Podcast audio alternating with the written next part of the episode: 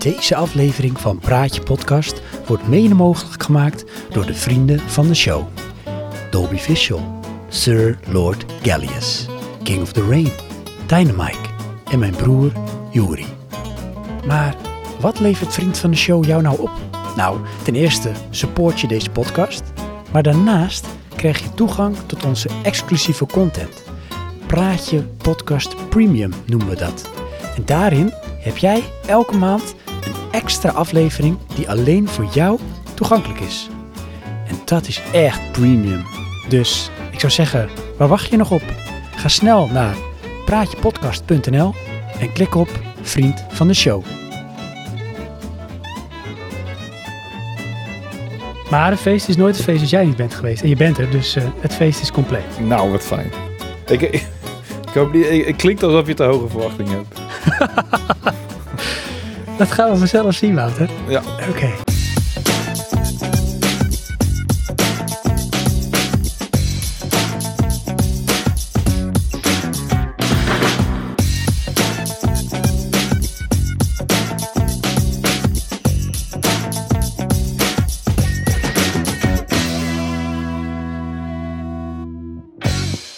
Johan, ben jij er klaar voor? Tuurlijk, Oké, nou dan zijn we live. Ik neem ook nog even een slokje. Doe dat. Ik heb ook chocola mee trouwens. Ja. Ik kan het niet aan onze gast geven, die we zo gaan introduceren. Oh, dat is wel Want- pijnlijk. Als je, Kijk, de gast ook al. oh shit. Ja, sorry. Nee, kom er maar bij. Dat maakt niet uit. Wil je graag chocola? nee, ja, nee, ja, ik ben gek op chocola. Ik zie het ook nu en eh, eh, het is moeilijk. Volgende keer kom ik wel langs. Dat is wel duidelijk. het is wel een beetje het pure spul hoor. Dus het is 4, 85% Oh, En dat vereist een, eh, een specifieke smaak. Ja, en iets met amandelkokos. Die is niet zo heel sterk. Oh ja.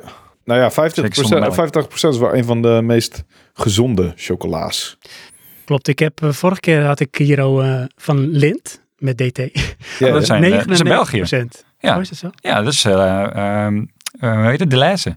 Die hebben lint. De laatste. Ja. Oké. Nou, dat is echt zo puur, dan trek je je lippen naar binnen. Oh, ja. Als je een hapje neemt. Dat is echt eh heftige stuf. Dus, Maar goed. introductie. Ja, en dus, oh, dat gingen we doen. Want kijk, eh, we gaan het gewoon doen alsof hij er nog niet is. Maar dan Ja. gaan wij hem introduceren. Want een paar dingen. Sowieso, hallo lief luisteraar. Leuk dat je er weer bent. Ja. Dat je luistert naar Praatje Podcast. Maar het, vandaag zit gewoon een beetje tegen. Ja, Het begon al met jou. ja. Nee, niet dat jij tegenvalt, hoor. Oh nee, oké. Duidelijk. maar met je treinrit. Ja, had geen zin. Nee. Geen trein, daarna geen bus, daarna geen trein. Ja, want de lieve luisteraars weten dat wel. Ik haal Johan meestal op vanaf eh, station Schagen. Johan woont in Alkmaar. En nu zou dat ook weer zo gaan.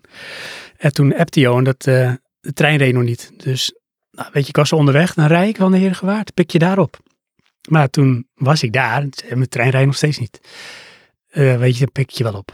Ja. Dus dat had al een teken aan de wand moeten zijn. Uren eerder weggegaan van mijn werk. Voor Yes. niks. Toen hebben we pizza gegeten. Oh, dat dan wel. We hadden trouwens wel de zondag daarvoor getest om live te kunnen gaan. Want dit is, zou eigenlijk een live opname zijn. Ja. Is het nog steeds. Ja. Maar dan is het eigenlijk een beetje alsof je in een ijsbad zit terwijl je ernaar luistert. Ja, wij het, is- dan. het is afzien. Ja, voor de luisteraars. Voor de luisteraar is het afzien. en Wij zitten in het ijsbad. Zo klinkt het. Ja, dat is zo, ja. Ehm, en normaal gesproken, we hebben dus, dit is wel een bijzondere aflevering. Ik, er komen tien zinnen, jongens. maar, ik loop ook niet helemaal stilgehoud. Nee. Want kijk, het niveau soms ligt hoger. Dat weet je, dat komt als we een gast hebben, ligt niveau hoger. Ja, dat is zo. En dan zeggen de luisteraars ook, ja, dit was een leuke aflevering. Ja. En dan scratchen we op ons hoofd, hoe kan het nou, kan het nou? Maar dan is het omdat we een gast hebben. Ja. Ook dit keer hebben we weer een gast. Juist. Maar normaal gesproken ben ik lang verstof en dat ben ik nu ook. Maar ik ga het proberen minder lang te maken. Want de gast die we hebben, die is waarschijnlijk nog langer. Ja? Vermoedelijk. Wordt, vermoed ik. Oké. Ehm, ja, want laat ik zo zeggen, de gast die nou wij hebben, ja, die is hoofdredacteur van eh, een game magazine Ja? ehm, in de Benelux. Aha. En ik denk dat nou, zo'n beetje iedereen wel met een magazine is opgegroeid. Wij ook, Johan. Ja, wel in onze omgeving. Ja, dat sowieso. Maar ik denk de meeste gamers, Ja, denk precies. toch wel hoor. Ja. Weet je, met, met eh, namen als eh, Jan Meijroos en misschien voor de echte diehards eh, Kees de Koning. En later had je dan, ehm ehm, ja, hadden we nog meer later. Nou ja, Ed, de eindredacteur, legendarische Ed. We hebben het ook over de Power Limited. Ja. En wie wij nu te gast hebben om met ons mee te praten, mee te denken, om antwoord te vinden op de vraag: wat maakt nou een goede game? Dat is de hoofdredacteur van de Power Limited. Ja. En eh, de man is eh, legendarisch. Ja, hij, heeft een, hij heeft een baard als Kratos. Ik weet ook niet of hij dezelfde skillset heeft, maar dat gaan we hem vragen. Ehm, ik ben benieuwd of hij zichzelf ook gamejournalist noemt of niet. Dat is Oh, altijd wel een soort dingetje, daar ben ik wel benieuwd naar. oh shit. Ja, ik, ik, ik bedoel heel erg hard mijn best om niks te zeggen, maar ga verder. Kijk, af en toe zijpelt hij al door. Dus laten we hem gewoon bijhouden. En in, in post-production komen er, komt er heel hard applaus bij. Maar eh, wij doen het nu met z'n tweeën. Johan. Applaus voor Wouter Brugge.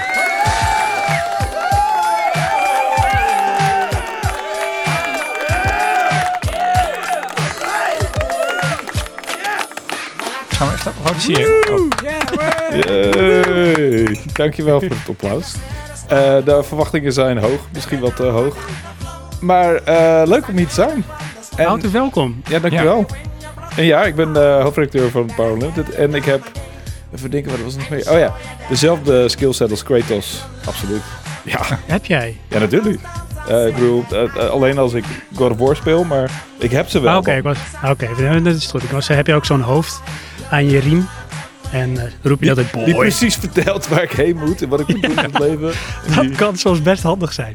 niks aan de, aan de verbeelding overlaat. Ja, nee, die heb ik niet. Nee.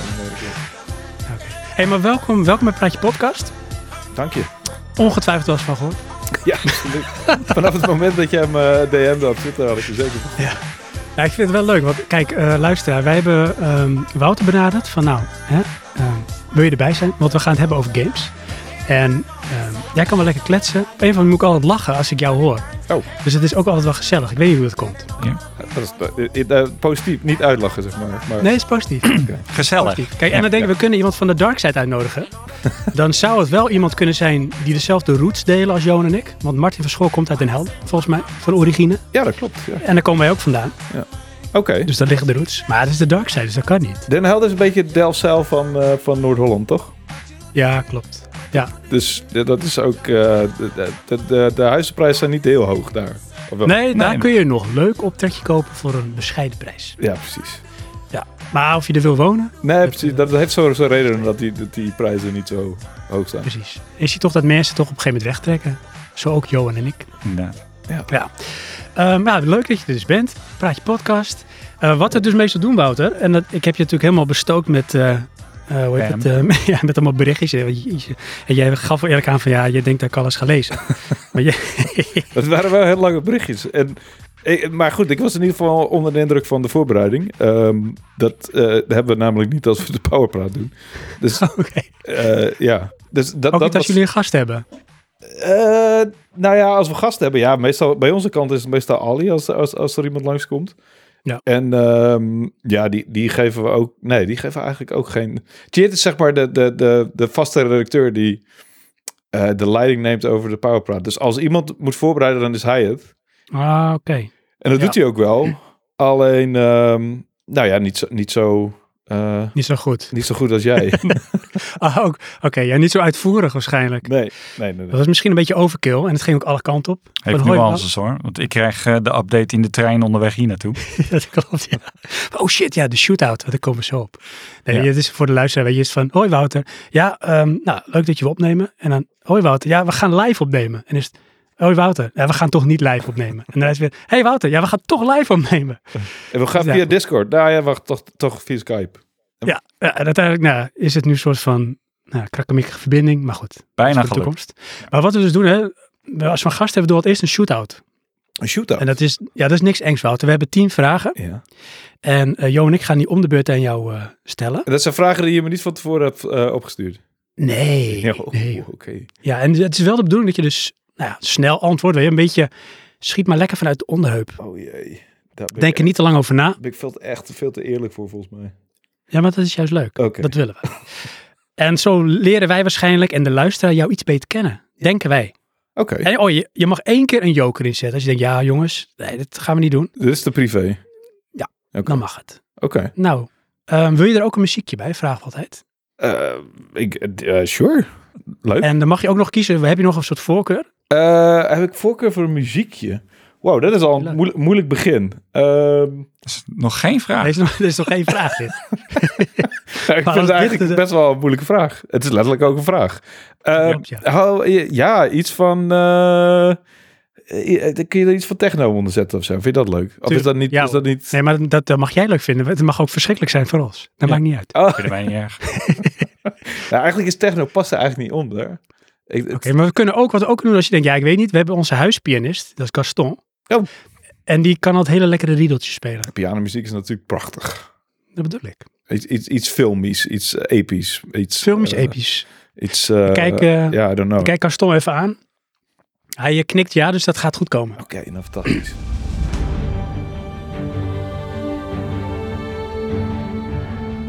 Als jij er klaar voor bent, dan gaan we los. Johan, jij mag dan de eerste vraag stellen. Oh. Wouter. Ik mag de eerste vraag stellen. Yes. Eh, ik stelde een vraag en dan moet Wouter gewoon antwoord geven. Ja. Ehm, hier ben ik geboren. Veendam. Kijk, die was Dat was makkelijk. lekker snel. Dat was Ja. heel snel. Dat Ja. kwam echt... eh. Ehm, wat je zeker van mij moet weten is... Puntje, puntje, puntje. Wat, eh, wat je zeker van mij moet weten is dat ik een ontzettende nerd slash geek ben. Oké, dat is mooi. Het is echt heel belangrijk dat je dat Toch, weet. podcast waar hij dan zit. Ja, Ehm, vraag drie. Het zijn eigenlijk een beetje stellingen. ja klopt. Wat je zeker niet van mij moet weten. Wat je niet van mij moet weten is eh, hoe, hoe mentaal instabiel ik in het echt ben. Zoiets. Het is wel lekker eerlijk allemaal. Goed, man. Ja. Ehm, het gaat lekker. We gaan door. Ehm, hier kun je mij voor wakker maken. Ja, dat, is wel, dat zijn wel meerdere dingen, maar chocola is daar wel één ding van. Def, Oh, ja. definitely. Ongelooflijk. Eh, hoef ik maar één ding te noemen? Nou, want je mag ook tien dingen noemen. Ja, ja, eh, videogames, films, series, seks. Ehm, en ja, dat is wel zo'n beetje de complete lijst, denk ik. voor, de rest moet je echt, je- voor de rest moet je echt laten slapen als ik te slapen. Echt. Ah, Oké. Goed, als kind wilde ik worden. Tekenaar. Oh, dan moeten we straks maar even op doorvragen of je daar nog iets mee doet. Ja, nee, dus. Klaar. Klaar. Oké, komt die eh, eens oneens. En dit, eh, dit hoorde ik terugkomen in een van jullie podcasts. Dus Marvel's Midnight Suns is toch wel de Game of the Year voor mij. Dat is, ja, dat is nog steeds de game van the, of the year voor mij. Ik, eh, Toch wel, want je twijfelde zo. Ja, dat klopt. Eh, maar uiteindelijk de review waar ik toen in het... De, de- die podcast waar je op duwt. Ik was toen zeg maar midden in het proces van het reviewen. Ja. Eh, en, en ik was nog voor mezelf op een rijtje aan het zetten waarom het zo goed was. Of niet zo goed. Maar in dit geval dus wel. En uiteindelijk ben ik tot de conclusie gekomen dat ik het echt fantastisch vind. En dat ik, ik, ben, ik speel het nog steeds. En ik wil ook eigenlijk helemaal niks anders meer spelen dit jaar. Ehm, nou ja, wil ik wel. Maar eh, als, als ik dan toch moet kiezen, dan Midnight Suns komt altijd gewoon op de eerste plek. En dat, eh, ja, ik vind het echt fantastisch. Ik heb het ook een 9,4 gegeven. En dat is het hoogste wat ik dit jaar heb gegeven. Wow, oké. Nou, dat is met recht een, eh, een Game of the Year. Ja, voor mij wel. Ja. Maar niet, echt zeker niet voor iedereen. Dat weet ik eh, 100% zeker. Eh, nog een eens oneens. De grappigste persoon op de PU-redactie ben ik zelf.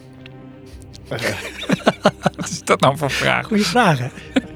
ik weet niet, heb ik een stop verzonnen. Eh, nou ja, sinds eh, Maarten Blonk weg is en, en Wart. Nou ja, Cheert is ook wel grappig hoor. Ik, ik moet ook wel erg lachen om Cheert.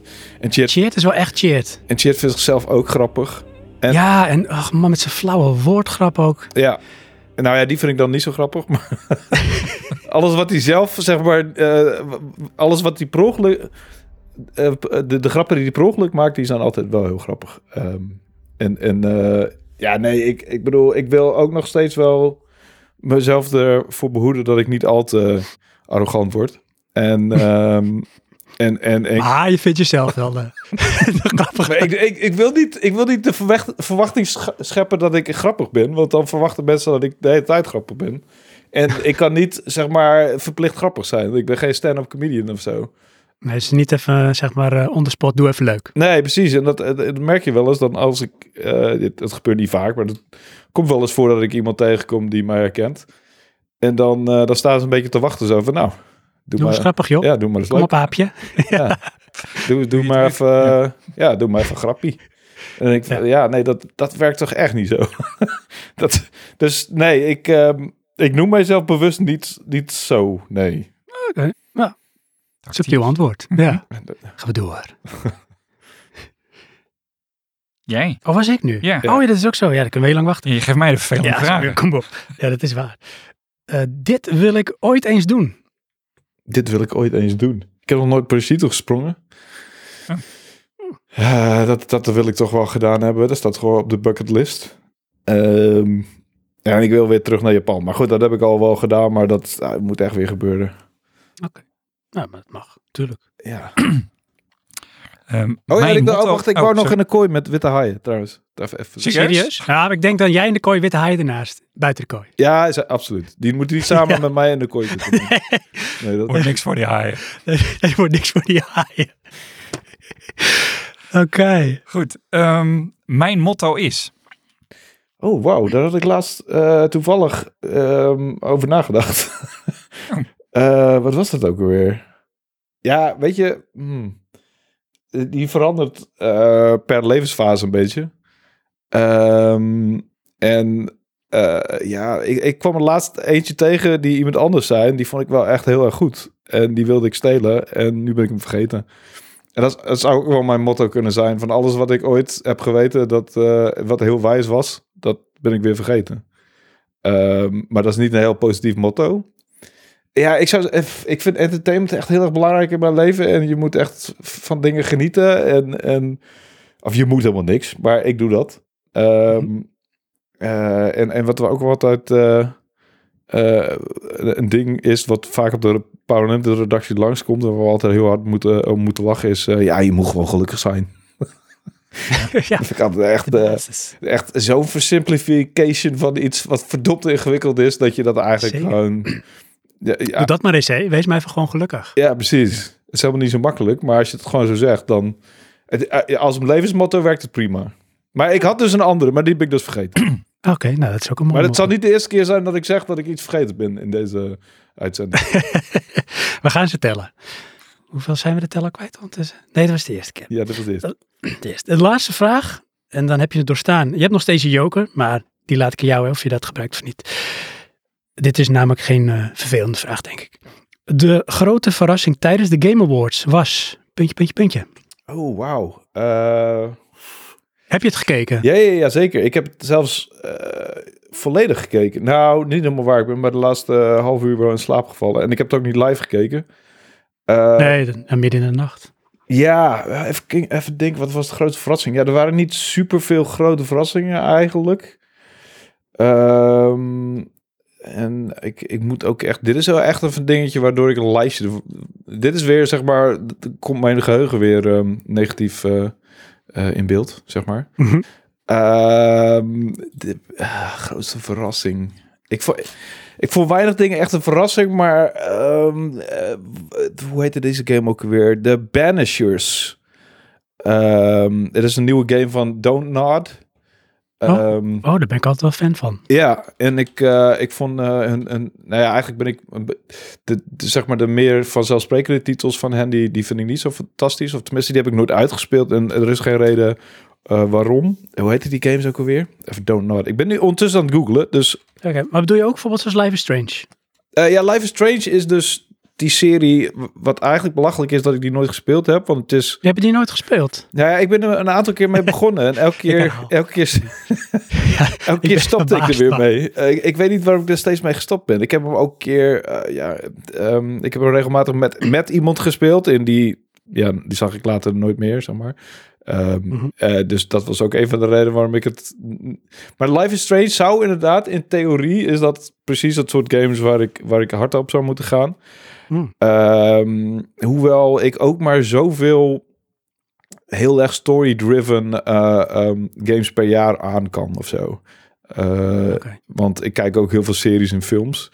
En, en, en, en daar had ik toch het meeste, zeg maar, eh, dat, da- daarin haal ik al heel veel verhalen, daar haal ik al heel veel verhalen uit. Dus dan, dan moeten games, games zijn dan soms een beetje te veel erbovenop of zo, als je snapt wat ik bedoel.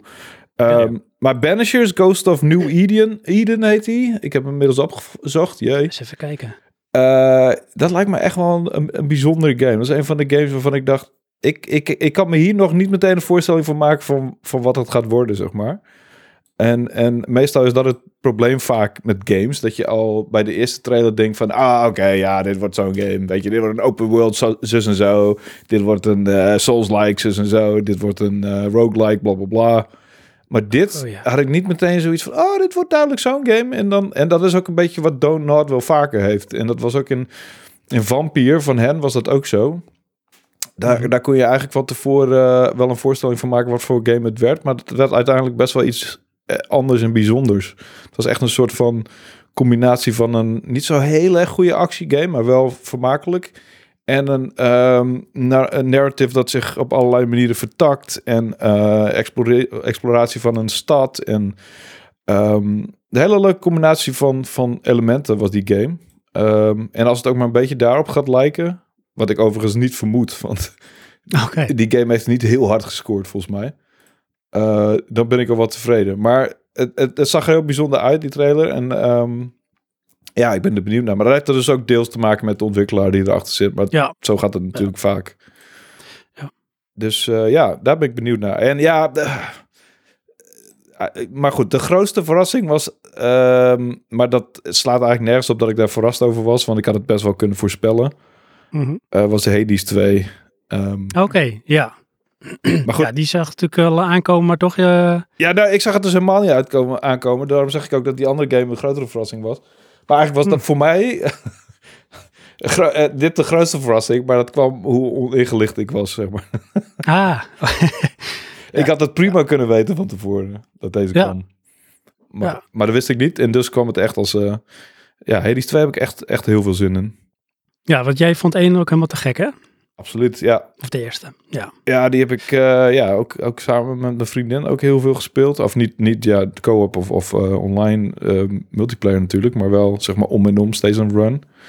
Ja. En, eh, en samen theorieën verzinnen over nieuwe builds. En eh, we hebben echt heel veel over die game samen gepraat en, en, en geprobeerd. Het is echt heel leuk.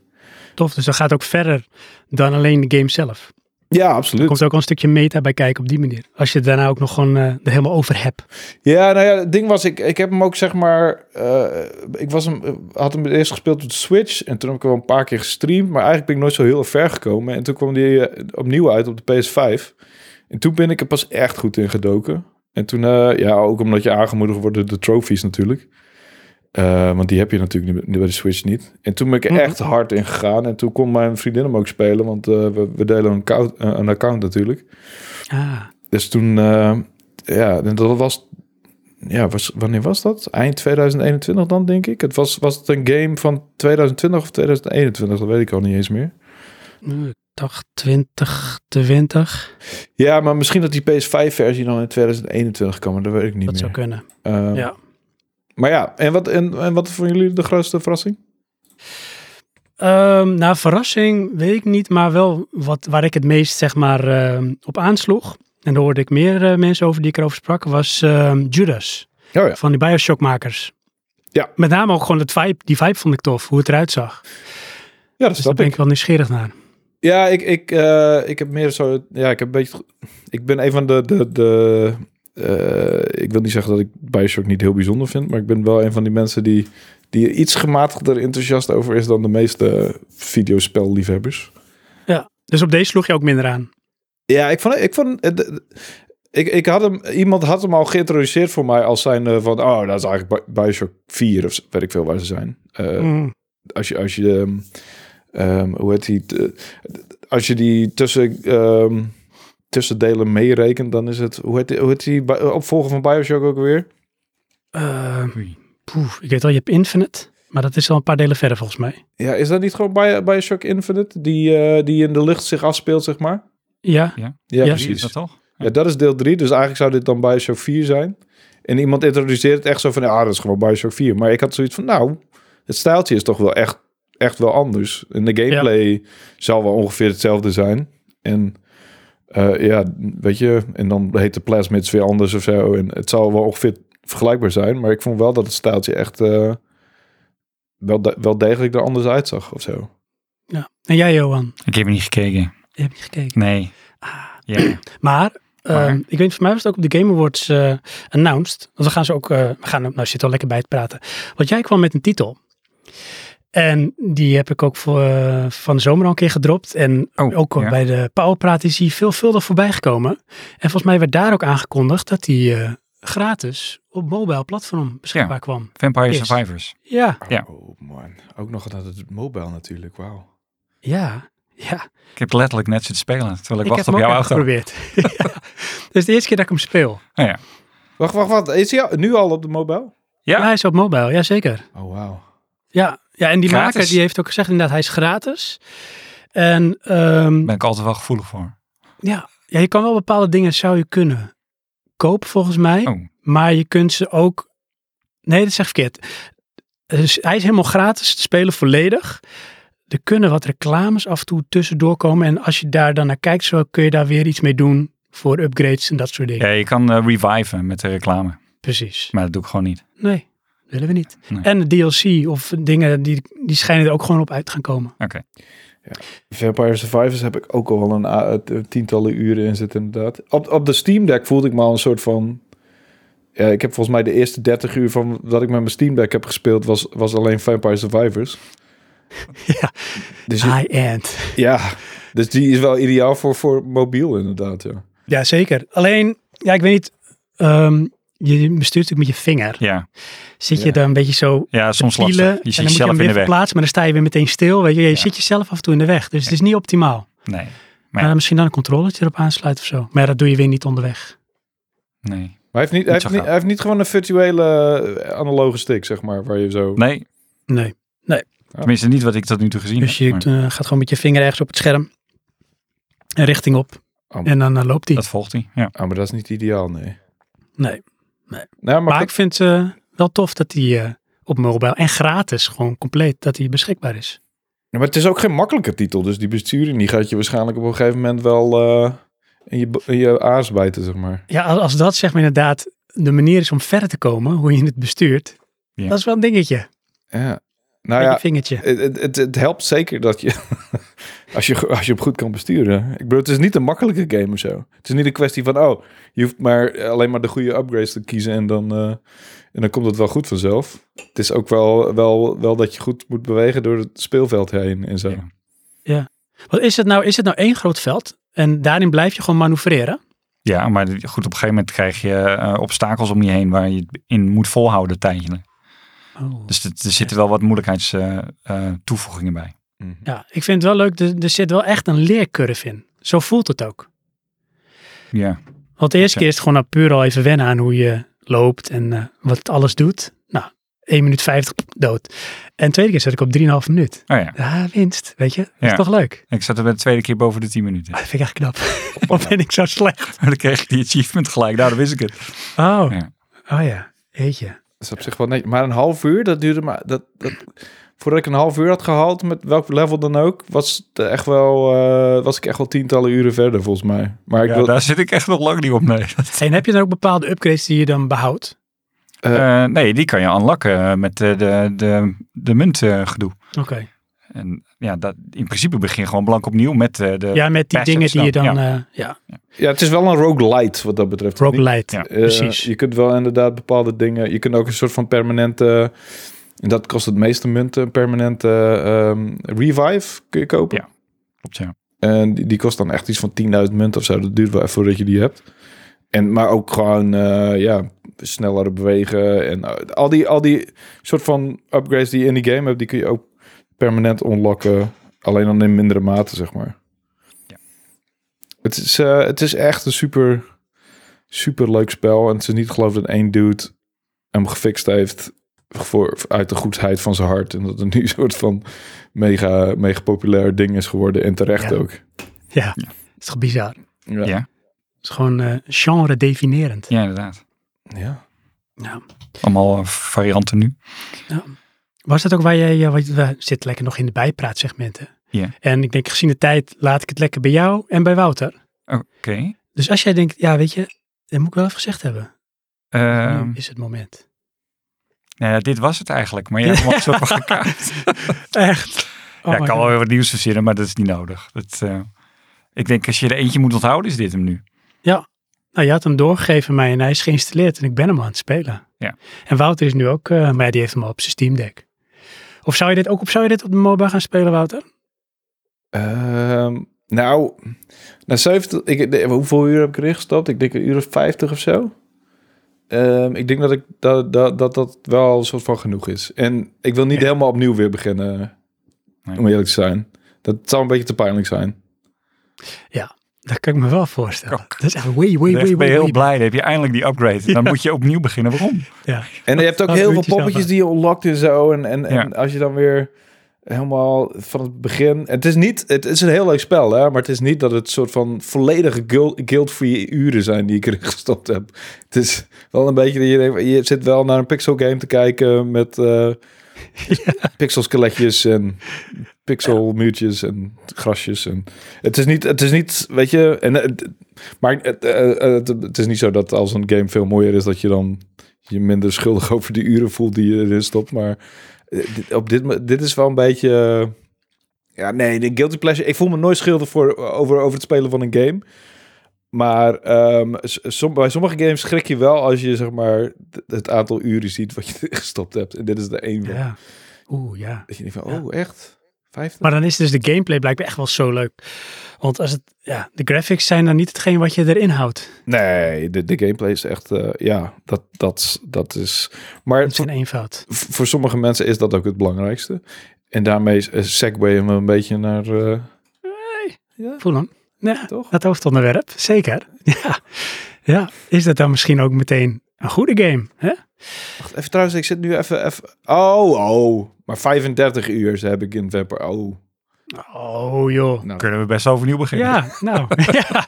Installeren die bende. ik heb Op er je best wel mobile 15 phone. uur bij, eh, zou ik zo zeggen. Ja. ja. hey, maar Wouter, heb jij nog iets waarvan je denkt, ja, dat is eh, misschien nog even iets meer off-topic, dat ik nog even wil droppen? Off topic. Nou ja, ik, ik, ik- wat heel erg op topic is, maar wat eh, mijn, mijn plicht is om dat, ehm, dat woord te verspreiden, is dat je absoluut lid moet worden van Power Unlimited Magazine. Kijk, ja, wat weet je, kijk, Johan, ehm, sinds ik Johan ken, nou, dan praten we over 1992. Was je toen al lid, Johan? Power Limited? Dat kan. Niet. nee, toen bestond het nog niet. nee, nee, dat kan. Nee, hij was al lid voordat het cool was en dat het bestond. ik, volgens mij heb ik eh, de eerste drie uitgaven heb ik niet gehad.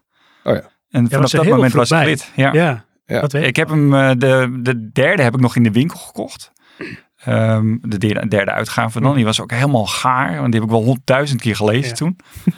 Ehm, ja, en toen, ik denk wel tien jaar lid geweest of zo. Ja, dat bedoel ik, hè. Ja, heel lang. Ja. Ik heb ze uiteindelijk eh, eh, weggegeven allemaal aan iemand die eh, zijn zoon daarin wilde introduceren. Aan eh, Oh. oude games. Oh. Een wereld, jongen, een Ja. schat aan eh, game nostalgie. Er zijn, ik moet zeggen, eh, we, we bestaan volgend jaar 30 jaar. Eh, dat wordt een hele celebration overigens.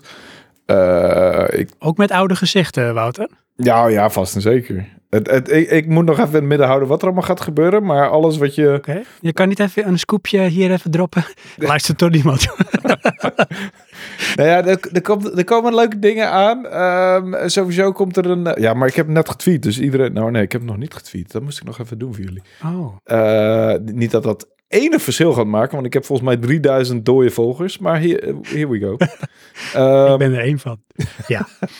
Eh, en ehm, eh, ja, er komen echt leuke dingen aan. We, we- sowieso kan ik zeggen dat we een groot feest gaan vieren. We hebben ooit een, een, een Vrienden van Pu feest gedaan, zo heette dat. Eh, Ja. En dat was heel cool en heel leuk. Maar ehm, als, ik, als ik Martin mag geloven, mijn collega Martin, dan eh, was die, dat feestje veel te klein. En ik vond het best wel een groot feest, want er waren echt wel 300 mensen of zo. Wow. Maar eh, ja, dat vind ik eigenlijk best wel. Weet je, dat is niet. Dit is zoveel mensen krijgen niet op een verjaardag. Ehm, Nee. maar eh, dat moest dus groter zijn dan dat in ieder geval. Dus Oké. Dus je hebt de arena hebben jullie afgehuurd. nou, Toppers nog niet, move. maar- Hier komen de PU-leden. nou ja, ik- er moet nog wel het een en ander geregeld worden, heb ik het idee. Oké. En ik ben bang dat ik dat ook deels op me moet nemen. Maar ehm, Oké. Maar ga je op een podium staan? ja, dat lijkt me wel, ja. Dat, dat is wel het minste wat we... Nou, dat was met vrienden van de PU ook. eh, hadden we leuke eh, trailers voor gemaakt en zo van, van onze geschiedenis. En, eh, en we hadden een quiz. En volgens mij hadden we nog wat mensen eh, die... die eh, en ik weet bij god niet meer welke games... maar die wat, wat zeg maar live previews deden van, eh, van games die zij eh, PR managen, zeg maar. Eh, dus dat was, was best wel een leuke viering. En volgens mij het, het deed nog een dansje of zo. I don't know. Het was, het was in ieder geval... Op een gegeven moment begon het ook allemaal vaag te worden. Want het was natuurlijk ook booze. Um, ja, tuurlijk. Maar dat was, dat was een heel leuk feest. En, uh, en als het ook maar een beetje in de buurt komt van dat feest... dan, dan is het zeker de moeite waard. Cool. Nou, dat uh, houden we in de gaten dan, hè? Ja, maar de boodschap was lid worden Paul Oh ja, dat, ja, ja. daar ging het om. Word ja. lid. Ja. ja. Ja, want uh, nou, dan ga ik natuurlijk een beetje de gewetensvraag stellen. Waarom moeten we lid worden van de Power Limited? Nou ja, het is natuurlijk... De, de, er is weinig, er zijn weinig zeg maar, uitingen in Nederland en beyond en daaromheen... Uh, waar zoveel passie uh, van gamen vanaf straalt als, als de Power Limited. Tenminste, dat probeer ik elk jaar weer... Of elke maand er weer in te stoppen. Uh, en, en we hebben echt de beste redacteurs, de beste schrijvers en de meest enthousiaste schrijvers die, die ik ken hier in Nederland en, en daarbuiten, ook in België. Um, en ja, ik, ik doe elke maand mijn best om er zo, zo leuk mogelijk magazine van te maken. Met reviews, previews, maar ook vooral achtergrondverhalen en zoveel mogelijk unieke content met unieke inzages en unieke meningen die je nergens anders leest. En ook gewoon, ja, een beetje dat, dat bij de handen en dat, uh, weet je, de, de fun. Ja, um, dat is natuurlijk wel typisch uh, Power Unlimited. Ja, en het, eigen smoel wat dat betreft. Ja, en vroeger was dat net even iets minder uh, PC dan, dan tegenwoordig. Um, sommige, als je, weet je, sommige, soms cringe ik er nogal van als je een oude puur openslaat van hoe verouderd sommige content is, zeg maar. Uh, maar we proberen nog steeds gewoon plezier te hebben in het gamen. Want gamen is, is natuurlijk fun. En, uh, en erover schrijven vinden wij echt elke redacteur die, wij, die ik heb. Die voor mij werkt. En um, ik zelf ook. Wij vinden het gewoon allemaal super leuk nog steeds om over games te schrijven. Want uh, ja. voor, het, voor het geld doen we het niet, zeg maar. En volgens mij waren jullie ook qua magazine... Wat dat wel baanbrekend. Dat de redacteuren werden heel erg naar voren geschoven. Dus jullie kregen allemaal een beetje een bepaalde smoel. En een bepaalde... Uh, soort nou ja, eigenschappen die misschien wat aangedikt werden. Dus jullie werden echt karakters. Ja. En dan ging je het ook anders beleven en anders lezen. Ja, Alsof jullie een beetje kenden. Ja, ja character-driven content noemden we, noemen we dat. En uh, ja, ja het, het, was een beetje de, um, de, de... Het idee was een beetje dat als je zeg maar, jezelf kon vereenzelvigen met de redacteur... dan kon je waarschijnlijk ook vereenzelvigen met diens mening. En andersom. Mm -hmm. Ja. Ja, je had ja, altijd eentje van na, weet je, als ik ja. die, ja, als die het goed vindt, ja, dan, dan vind ik het ook goed. Ja, dan kan ik die game kopen. Ja, ja precies. ja. En, en uh, ja, maar goed, als merk moeten we natuurlijk ook wel een beetje geloofwaardig zijn qua, qua uitspraken en reviews. Maar uh, je kan je, we kunnen ons ook makkelijk verschuilen achter het. Um, ja, ik bijvoorbeeld, ik die een Midnight Suns een 9,4 geeft. Dat is uh, zeker niet de mening van, um, ja, ik noem maar iemand, een, een, een Jacco of een, of een Gradus of een, uh, ja, Raf zou het misschien wel iets meer met me eens zijn, maar ja, iedereen heeft gewoon zijn eigen genre en zijn eigen franchises en zijn eigen uh, voorkeuren. En, de, en dat, ja. we doen niet ons best om dat onder stoelen of banken te schuiven, zeg maar. En moet je hem nog verdedigen, je cijfer? Moet je nog voor een ballotagecommissie of is het gewoon, uh, oh, ben jij dat zelf omdat jij uh, hoofdredacteur bent? Mm, ja, ik ben meer, de, ja, als er een ballotagecommissie is, dan ben ik dat wel. Um, ik ben het wel eens oneens met dingen, maar als het maar goed uh, beargumenteerd wordt, dan, dan heb ik weinig poot om op te staan natuurlijk. Ik bedoel, ik... Ja. Ik, ik, als ik, ik kan een review slecht vinden en, en, en een aanmerking, of slecht vinden, minder goed vinden. Mijn redacteurs schrijven eigenlijk nooit slechte reviews, vind ik. en anders, anders waren ze mijn redacteurs niet. Uh, ja, precies. Oh, Oké, okay, ja. Okay, dus ja, tenzij er echt een kwestie is van, van, van tijdgebrek of zo. En je moet een RPG in twee dagen review of zo. Dan, uh, dat is wel lastig. Dan, dan blaas je misschien iets meer uit je, uit je nek, maar dat gebeurt amper meer. Um, dus nee, uh, uh, er is niet echt een ballotagecommissie wat dat betreft. Ik kijk er wel elke maand kritisch naar. En uh, soms halen er wel wat dingen uit. Maar het, ik, ik, ik heb zo... Um, ik heb zeg maar redacteurs om me heen verzameld die ik echt vertrouw. En wiens mening ik ook gewoon vertrouw. En ja, en die, waarvan ik weet dat die hun best gaan doen om, een eerlijke mening te geven. En um, ja, da, daar kan ik het ermee oneens zijn, maar dat is niet relevant. Nou, ik zat laatst een podcast te luisteren van uh, Digital Foundry. Ja. En een van de jongens, Alex, volgens mij, die gaf aan dat hij het heel moeilijk vindt. Uh, steeds moeilijker om PC-games goed te reviewen. Omdat zoveel PC-games als ze uitkomen eigenlijk nog zo zeg maar, gebroken zijn. Met name op technisch vlak. Dat hij zegt van ja, als je dat vergelijkt met, met consoles, dan is dat een heel lastig verhaal. Het wordt steeds lastiger. Eh, ja, maar Digital Foundry die kijkt natuurlijk ook wel heel erg naar het technische aspect. Dat is zo. En dat, daar, zijn- wij zijn meer van de belevenis en van de, de emotie. En, en Maar los als het een beetje een gebroken game bijvoorbeeld op PC zou zijn. Qua dat hij eh, in plaats van 60 frames op 15 frames draait. ja, dat is lastig, maar daar, laat ik, eh, dat, daar reken ik een game bijna eigenlijk nooit op af. Want eh, het gebeurt vaak genoeg dat er een, een day one patch overheen gaat die alles verhelpt. Ehm, Mhm.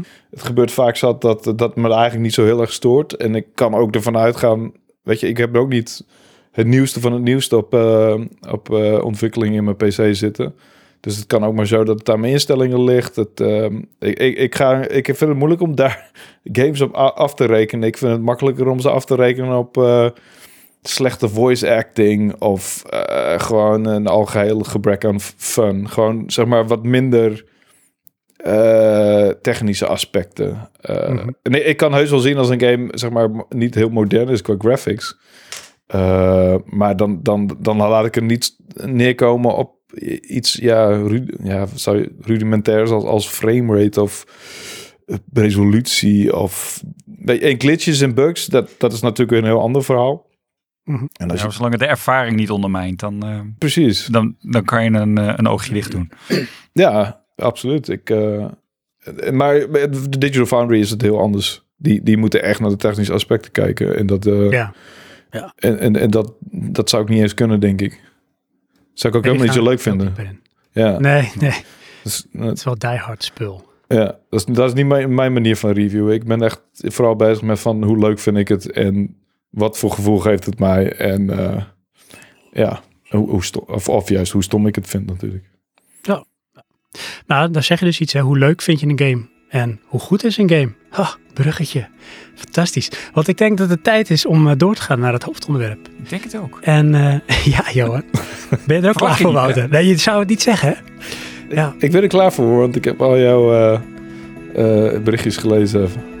Oh, je hebt ze al wel gelezen. Nee, dat is een leugen, sorry. Ik, Laten we doorgaan naar het hoofdonderwerp. ik heb ze lang zien komen.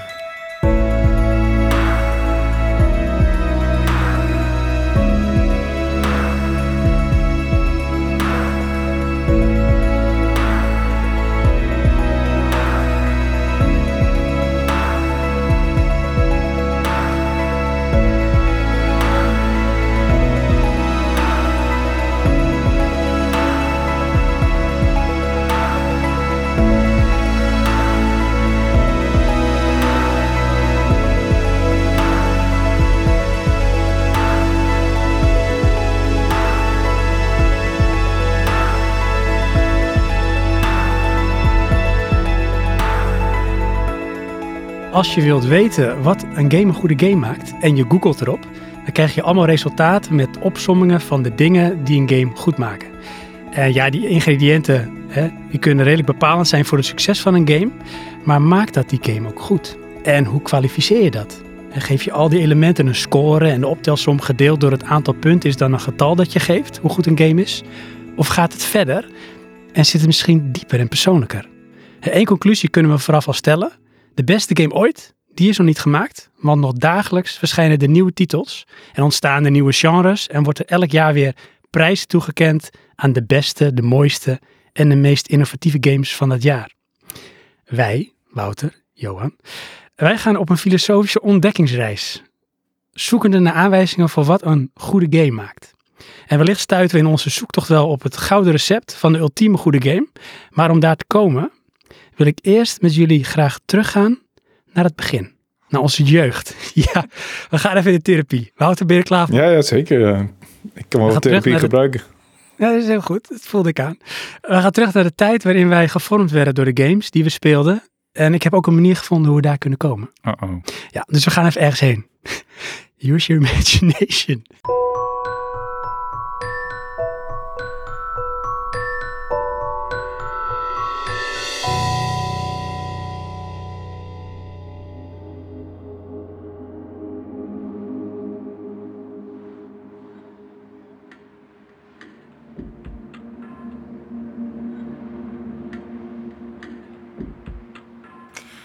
Oké, ehm, wij staan hier nu, ja. En zoals jullie zien, staat hier een machine. En daarmee kunnen we, met z'n allen passen we erin, eh, kunnen we eh, terugreizen in de tijd.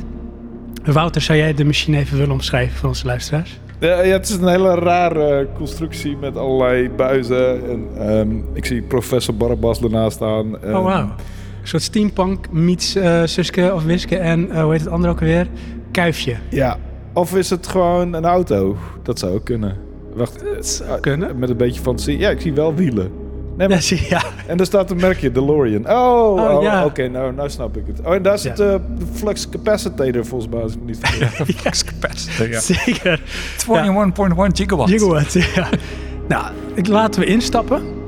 Oké. Ja, en dan eh, nou, doe je gordeltjes wel is even. wel lastig trouwens. Volgens mij kunnen maar twee personen in die DeLorean. Ja, maar dan ga ik bij jou op school. Oké. Als jij het goed Zat, eh, zat uh, Marty McFly's vriendin ook niet gewoon achterin? Oh ja, nee, klopt. Ja. Ja. Of moest je dan zeg maar via zeg maar, de Voor- stoel van de voor Ja, precies, ja. schuiven? Zo was dat. Ja, zijn van- ja. van die- twee van die vlie- inderdaad. Ja. Ja. ja, nou, ik, we hebben, je hoort het al, lief luisteraars, wij zijn heel goed in omschrijven, heel levendig. Ook fantasievol. Hè? Ja, van. Ja. Totaal zelfverzonnen. Gelukkig hebben we professor Barabbas ook meegenomen, dus die bedient hem. En die gaat ons terugsturen naar onze jeugd.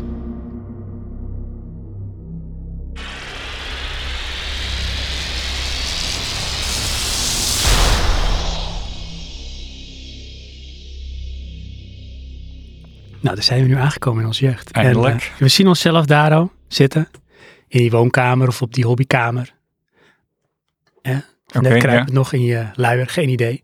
Maar ehm, eh, laten we bij jou beginnen, Wouter. Als we even teruggaan, echt naar den beginnen. ja. Ehm, ja, wat voor soort, ja, dat is misschien een hele persoonlijke vraag, maar wat voor soort kind was jij? En ook als je het dan relateert aan gamen. Zodat het al echt verweven in jouw leven. Hoe ben je daarmee in aanraking gekomen? Ja, ehm, nou, het, het- het- het- ik was er altijd al geïnteresseerd in. Ik las de Power Unlimited trouwens ook al toen ik nog zelf nog niet eens iets fatsoenlijks kon spelen, omdat ik geen, ik had een hele oude, mijn ouders hadden een hele oude PC, echt een, echt een, een 286, terwijl de 486 ook al, lang gangbaar was in dat jaar, zeg maar. En ehm, ik had wel een Game Boy zelf gekocht toen ik een klein jongetje was. En mijn ouders die hadden een Atari 2600. Die hebben ze meerdere keren aangeschaft. Ehm, en ik ben nog steeds echt verward over waarom. Want dat is echt de eerste, volgens mij, en de laatste spelcomputer die ze ooit hebben aangeschaft. Sindsdien werd het hun te ingewikkeld of zo, denk ik. Maar in ieder geval, ik ben dus wel opgegroeid met de Atari 2600. Eh, dat is wel echt een, een, een, deel van mijn jeugd. Ehm, eh, maar dat was niet waarmee ik echt verslingerd raakte aan games. Dat gebeurde eigenlijk pas veel later. Eh, dat gebeurde ehm, toen ik zelf... Mijn eerste console die ik zelf heb gekocht was de Dreamcast. Ehm, en dat was Hm. eigenlijk nadat ik jaren, eh, volgens mij echt iets van zes jaar of zo, heb ik, heb ik de pu gelezen en las ik gewoon al die, over al die games die ik zo graag wilde spelen. spelen. Maar sommige speelde ik bij vriendjes van me. Die hadden wel een fatsoenlijke PC. Ehm, maar en, en een ander eh, vriendje die had bijvoorbeeld een, een, een Sega Mega Drive. En ehm, ja, daar werd ik eigenlijk, eigenlijk steeds meer geïnteresseerd. Raakte ik steeds meer geïnteresseerd. En, en verlangde ik steeds meer naar die games. Totdat ik eindelijk mijn eigen geld verdiende. En in 1999 eh, heb ik een Dreamcast gekocht. Ehm, maar in de tussentijd, ja, ik heb eh, bijvoorbeeld ook eh, op, op die oude PC, Les Shoot Larry, Police Quest, Space Quest. Dat was nog wel de, de favorietste van die, van die ja, zeg maar, text-based adventures. Wilco. ja, en, en ehm, XCOM, de allereerste UFO Defense. En de opvolger, Terror from the Deep, die heb ik ook nog op, op, op zeg maar een afgekeurde, afgetrapte 386 gespeeld op mijn kamertje. Eh, en dat was volgens mij ook nog voordat ik een Dreamcast had gekocht. Ehm, maar goed, op de Atari 2600, eh, ja, dingen zoals de eerste Mario, eh, de eerste Donkey Kong game ehm, en ehm, Pitfall.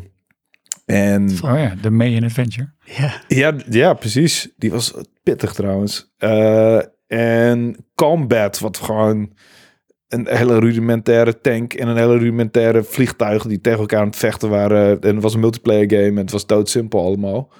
Ehm, en, en ook wel dingen die, waarvan ik de naam niet eens meer weet, maar waar ik eigenlijk alleen een soort van beeld in mijn hoofd heb.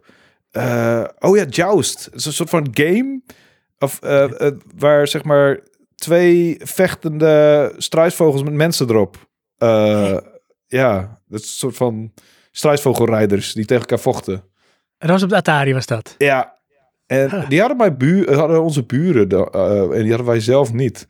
Ehm, en, en alle, allemaal van dat soort hele simpele games. Berserk bijvoorbeeld, dat is ook een, een van mijn... En Qbert. Ehm eh, Ja. eh, Qbert was niet helemaal mijn ding, maar... eh, de, de- dat zijn echt de eerste games waar ik eh, eh, mee in aanraking kwam. Maar net, net wat ik zeg, ik, ik ging pas echt er hard op in toen ik mijn eigen Dreamcast had. En, en kon ontsnappen op mijn kleine televisietje op mijn eigen kamer. Eh, en toen ehm, raakte ik iets minder geïnteresseerd in eh, ja, mensen. Zo'n beetje de rest. Ja, Ja. precies. De rest. Hey, maar was je toen ook al, nou nog net even voor die Dreamcast tijd, was je toen wel bewust dat games ook gemaakt werden door mensen, door bedrijven? Ja, ja de- ik de- ik denk dat ik daar toen totaal niet bij nadacht, nee. Ehm, Die dingen waren er gewoon. Wat, wat, Ja. Je kocht je ze of, of had je kopietjes of had je een buurman die handig was in dat soort dingen? Nou ja, die, die, eh die, die Atari 600 games, die kochten we gewoon. Die kochten mijn ouders gewoon. Die hadden zo'n hele doos met van die, van die cassettes erin. Ehm, op de PC heb ik wel her en der een Twilight cd'tje volgens mij geregeld. Oh ja. Ja, wie niet? Ja. Ehm, op de Dreamcast kocht ik ze altijd. ehm, en dat was dan... Dat was best wel een soort van avontuur elke keer. Want daarvoor moest ik naar Groningen, naar de stad Groningen. Eh, want ik woon in Veendam. En de dichtstbijzijnde videospellenwinkel eh, was Netgame. eh, in, in, in Groningen. Of, eh, en hoe heette die andere? Dimension Plus. Er waren er twee toen zelfs. Eh, en dus het was altijd een hele operatie om een game te kopen. En dan ging ik helemaal... dan ging ik daarheen en dan in de bus terug zag, zat ik het boekje te lezen en me helemaal kapot te hypen. Zo van, oh wow, Sonic Adventure, oh what the fuck. Oh, Soul Calibur, oh man, dit wordt echt de beste game ever. ja. En ehm, eh, ja, dus ehm nou ben ik je vraag vergeten trouwens. Of je wist of games gemaakt werden door mensen Ja, en hoe je eraan kwam. Ja, dat, ik, ik, ik, ik dacht daar een stuk minder bij na. En ik moet eerlijk gezegd, aan, aan het begin van mijn carrière probeer ik daar ook niet zoveel bij stil te staan. Want je bent toch bezig met... Ja, het, het gebeurt toch wel regelmatig dat je games gaat afzeiken. En vroeger deed ik dat meer dan nu. Omdat, het, omdat ik het vroeger grappiger vond. Of omdat, het, in de, omdat ik inderdaad minder nadacht uh, um, over de mensen erachter. Maar ja, naarmate ik steeds mensen, meer mensen ging interviewen natuurlijk. En... Uh, en ook gewoon persoonlijk mensen leren kennen die met games werkten, ging ik gewoon, was het steeds meer een ding. En probeer ik er steeds meer rekening mee te houden van, ja, je, je, kan nu deze game wel een 4 geven, maar denk er wel even over na waarom. En, mm -hmm. en dat je wel uh, iemands levenswerk, of nou ja, misschien zelfs van honderden mensen het levenswerk aan, aan het uh, plat bombarderen bent op die manier. En um, dat ze dat best wel persoonlijk kunnen nemen als jij ze allemaal debielen noemt. Uh, ja kans is er. Ja. Dat zijn mensen. Ja.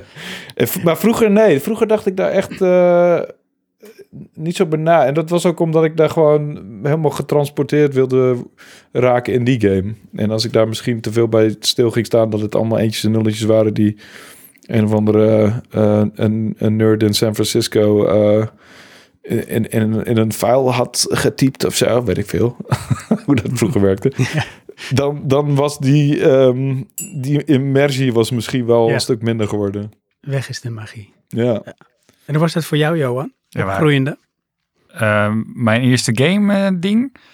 Um, ja, ik, wij begonnen even eerder met uh, de Commodore begonnen wij. En um, ik was helemaal niet bezig met mensen die achter die games zaten. Ik had echt van, moet je nou kijken, ik kan uh, Barbarian en dan sla ik een slangmonster zijn hoofd eraf. Ja. En dat was het eerste monster, daar waren we de hele dag mee bezig. Ja. Want ja, dat was het. En eigenlijk uh, glimmend scherm, bij spreken. En dat was de verslaving. Ja. Het, uh, of de, de verslaving, de appeal. Maar zeg maar de Commodore met de, met de cassettebandjes, die Commodore? nou, eigenlijk, ja, die heb ik wel meegemaakt, maar thuis begonnen wij met de 128. Dus hadden we wel floppies. Uh, dus mijn oom die had bandjes en daar begonnen wij, uh, kregen wij de eerste ervaring mee. Ja, dat, dat, uh, ik vond dat, dat, dat, dat was pas magisch dat je zeg maar uh, de eerste vorm van downloaden, dat je op een radiozender um, games kon opnemen op je cassettebandje. Ja, Ehm, en mijn broer die had trouwens ook een Amiga 500. Dat was ook nog een van de eerste. dat hebben wij Ja. ook. Ja, daar, daar begon het bij mij echt. eh, het begon bij ons met de Commodore 64. Toen kreeg de, de buurjongen, hè, je kent wel de buurjongen, die heeft altijd mooie spul, Antoon. En die had toen op een gegeven moment al heel snel eh, Amiga 500. En ik weet nog, en het verhaal heb ik vaak verteld, dan toen kwamen we langs, mijn broer en ik. Nou, gingen we kijken bij Antoon, want die had een Amiga 500. Geen idee wat het was. En ik kwam binnen en ik dacht, hé, waar komt dit geluid vandaan? Dit is echt ongelooflijk. En die beelden, het is net of ik in de arcade ben. Ik was echt blown away. Maar ook nog steeds geen idee hoe überhaupt die games werden gemaakt of dat er mensen achter zaten. Het was gewoon voor mij van de Commodore 64 afkomen dit in één keer te zien. Dat was gewoon magisch. Op Ja. een floppy. Ja. Ja. Episch. Vroeger. Ja, ik heb ook nog wel mooie dingen meegemaakt op de Amiga 500. Ehm, word- ik, ik kwam laatst nog zo'n game tegen op, eh, op Steam. En die had echt... Ik weet, ik weet nu de, de naam van de game niet meer. Maar ik weet nog wel de ontwikkelaar. Dat waren de Bitmap Brothers. Dat klonk zo fucking Oeh. cool. Ja. Eh, en die game had een van de allertofste 8-bit tracks ever. Eh, en nu weet ik dus alles van die game behalve de naam.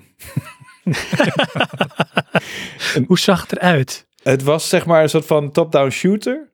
En het, eh, het had ehm, tijdreizigers. En die hadden verschillende wapens, bla bla bla. Maar het, de, de tijd waarin je, ehm, eh, waarin je je begaf, dat zag, zag je eigenlijk alleen maar aan de, aan de vijanden en aan de, ehm, zeg maar, de, de, omgevingen. Nou, dat makes sense natuurlijk. Maar ik zit nu een beetje tijd te rekken, terwijl ik op zoek ben in mijn lijst. Want dit was echt, dit was echt een game waar, ook omdat de Bitmap Brothers eh, me zo, die naam die, die sprak mijn verbeelding zo aan, dat dat volgens mij wel voor het eerst eh, mij deed, eh, zeg maar, Was het niet de Chaos Engine? de Chaos Engine, there you go. Yep, dat is hem.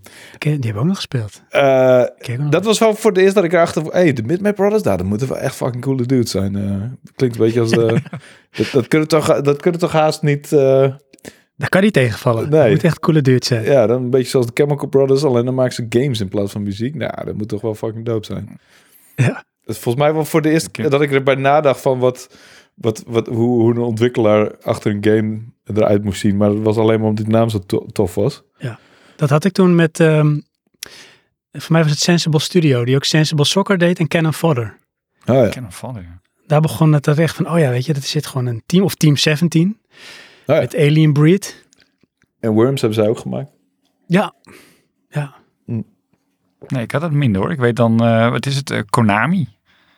Dat, dat Ja. bleef snel hangen. Ja. Dat weet ik dan nog wel. Maar ja, ik was daar niet veel mee bezig. Ik vond, wat ook natuurlijk wel magisch was, was Sega. Maar dat was meer een soort van introductie voor, voor een game. En, en, Mhm. en meer een soort van, eh, ja, een soort van flinke dot hype bovenop. Van, ik ga nu gamen. Sega! Oh yes, ik ga Seal of quality, nu gaat het gebeuren. Ja. Dit zit helemaal goed. Oh, Ja, dat heb ik met eh, PlayStation 1. Dat eh, opstartgeluid. Ja, Nou, als je dat ergens afspeelt, dan ja. Weet je wel, dat herken je gelijk. Pavlov effect. Ingeprogrammeerd. Ja. ja. Ja. Ja.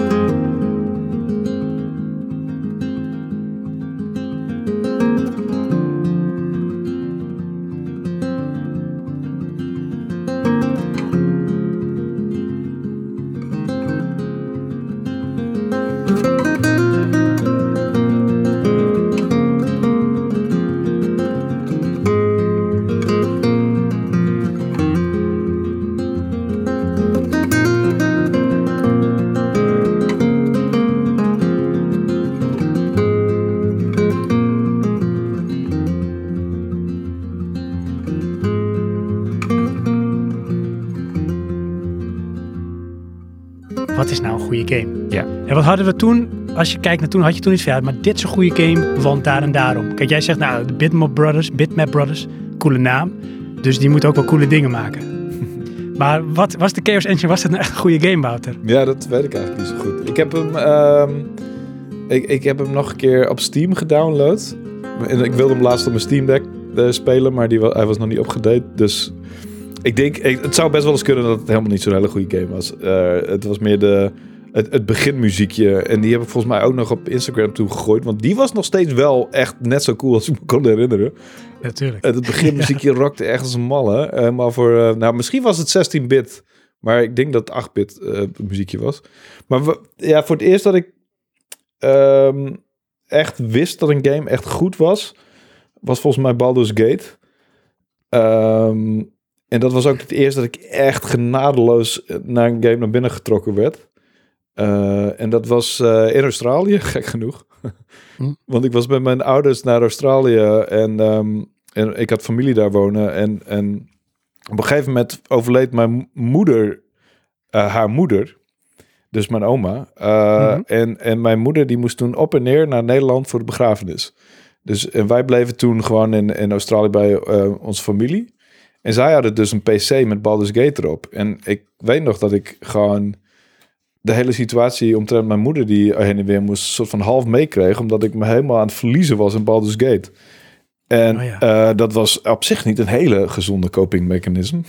Eh, nee, en nee, maar het is natuurlijk wel een soort escapisme is het even. ja, dat was wel duidelijk escapisme, ja. En ook het feit dat ik gewoon in Australië was, maar ik liep daar op de fucking Sword, Co- Sword Coast rond, meer dan dat ik in Australië was. het was eh, misschien niet een heel gezond begin van mijn obsessie. Oh, ja, obsessie is sowieso niet heel gezond met, met gamen. Maar het was wel echt, vanaf dat moment wist ik gewoon wat een, wat een game allemaal kon.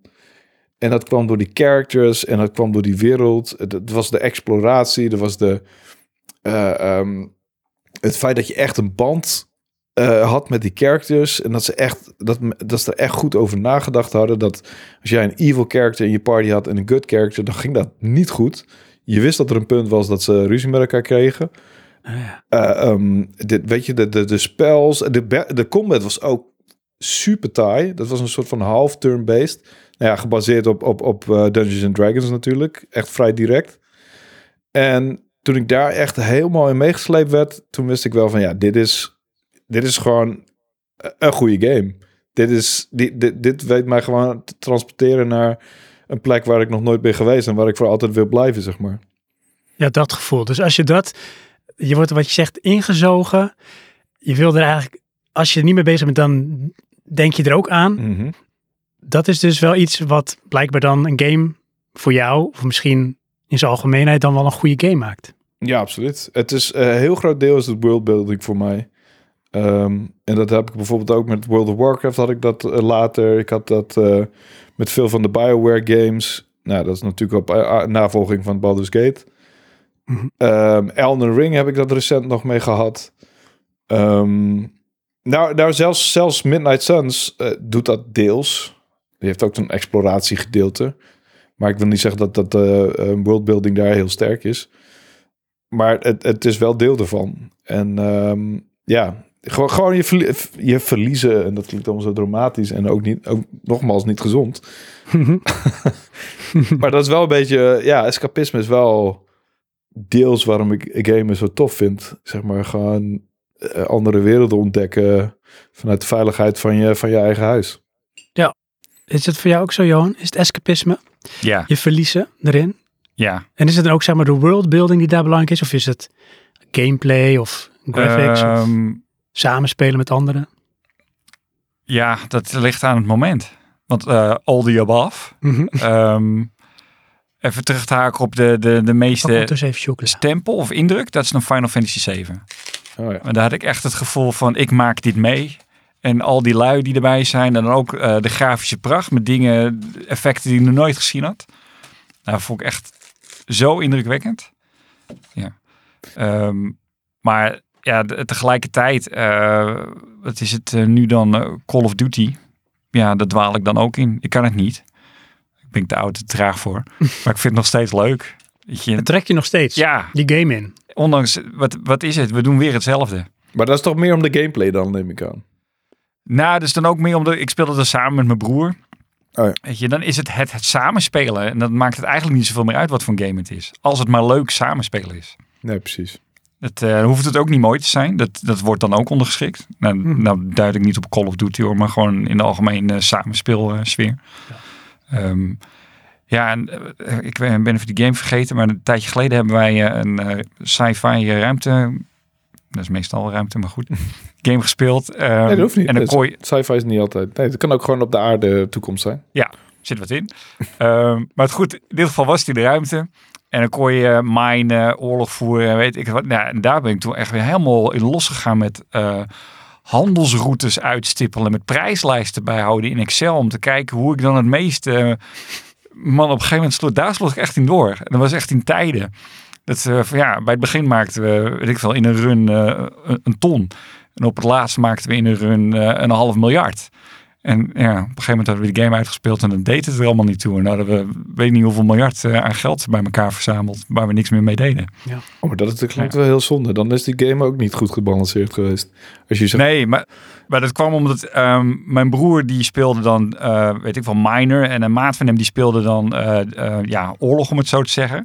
Alleen daardoor levelden we met elkaar zo snel, want we hadden bijna oneindig resources, dat we al heel snel eh, dus het zwaardere deel konden gaan doen. is, is dat de EVE Online? Of Nee, nee, dat was niet Eve Online. Ehm, ja, ik, ik weet dit, klinkt namelijk wel als mijn jam. En ik ben wel benieuwd wat het is, zeg maar. Ja, dan moet ik hem opzoeken. Namen, hè? Ja. Ben ik slecht die ook alweer? Ja, naam is, is God. lastig. Ik ben, eh, Nou. ja. Als ik, Ik ze- ga hem wel zoeken. als ik ze, eh, zeg maar een, een game niet review, dan is ook de kans dat ik... Want dan schrijf ik die naam natuurlijk 20.000 keer op. Dan is de kans veel groter dat ik de naam vergeet dan als ik... eh, eh, ja. Nee, dat is de kans minder groot dan als ik, dat ik de naam Precies. vergeet... dan als ik hem gewoon Ja. een keer gespeeld heb, zeg maar. Ja. Ja. Dus ik, ik snap dat jij namen van games eh, niet kan onthouden. Want ik zou... eh, als ik er niet over schreef, dan zou ik helemaal niks onthouden, zeg maar.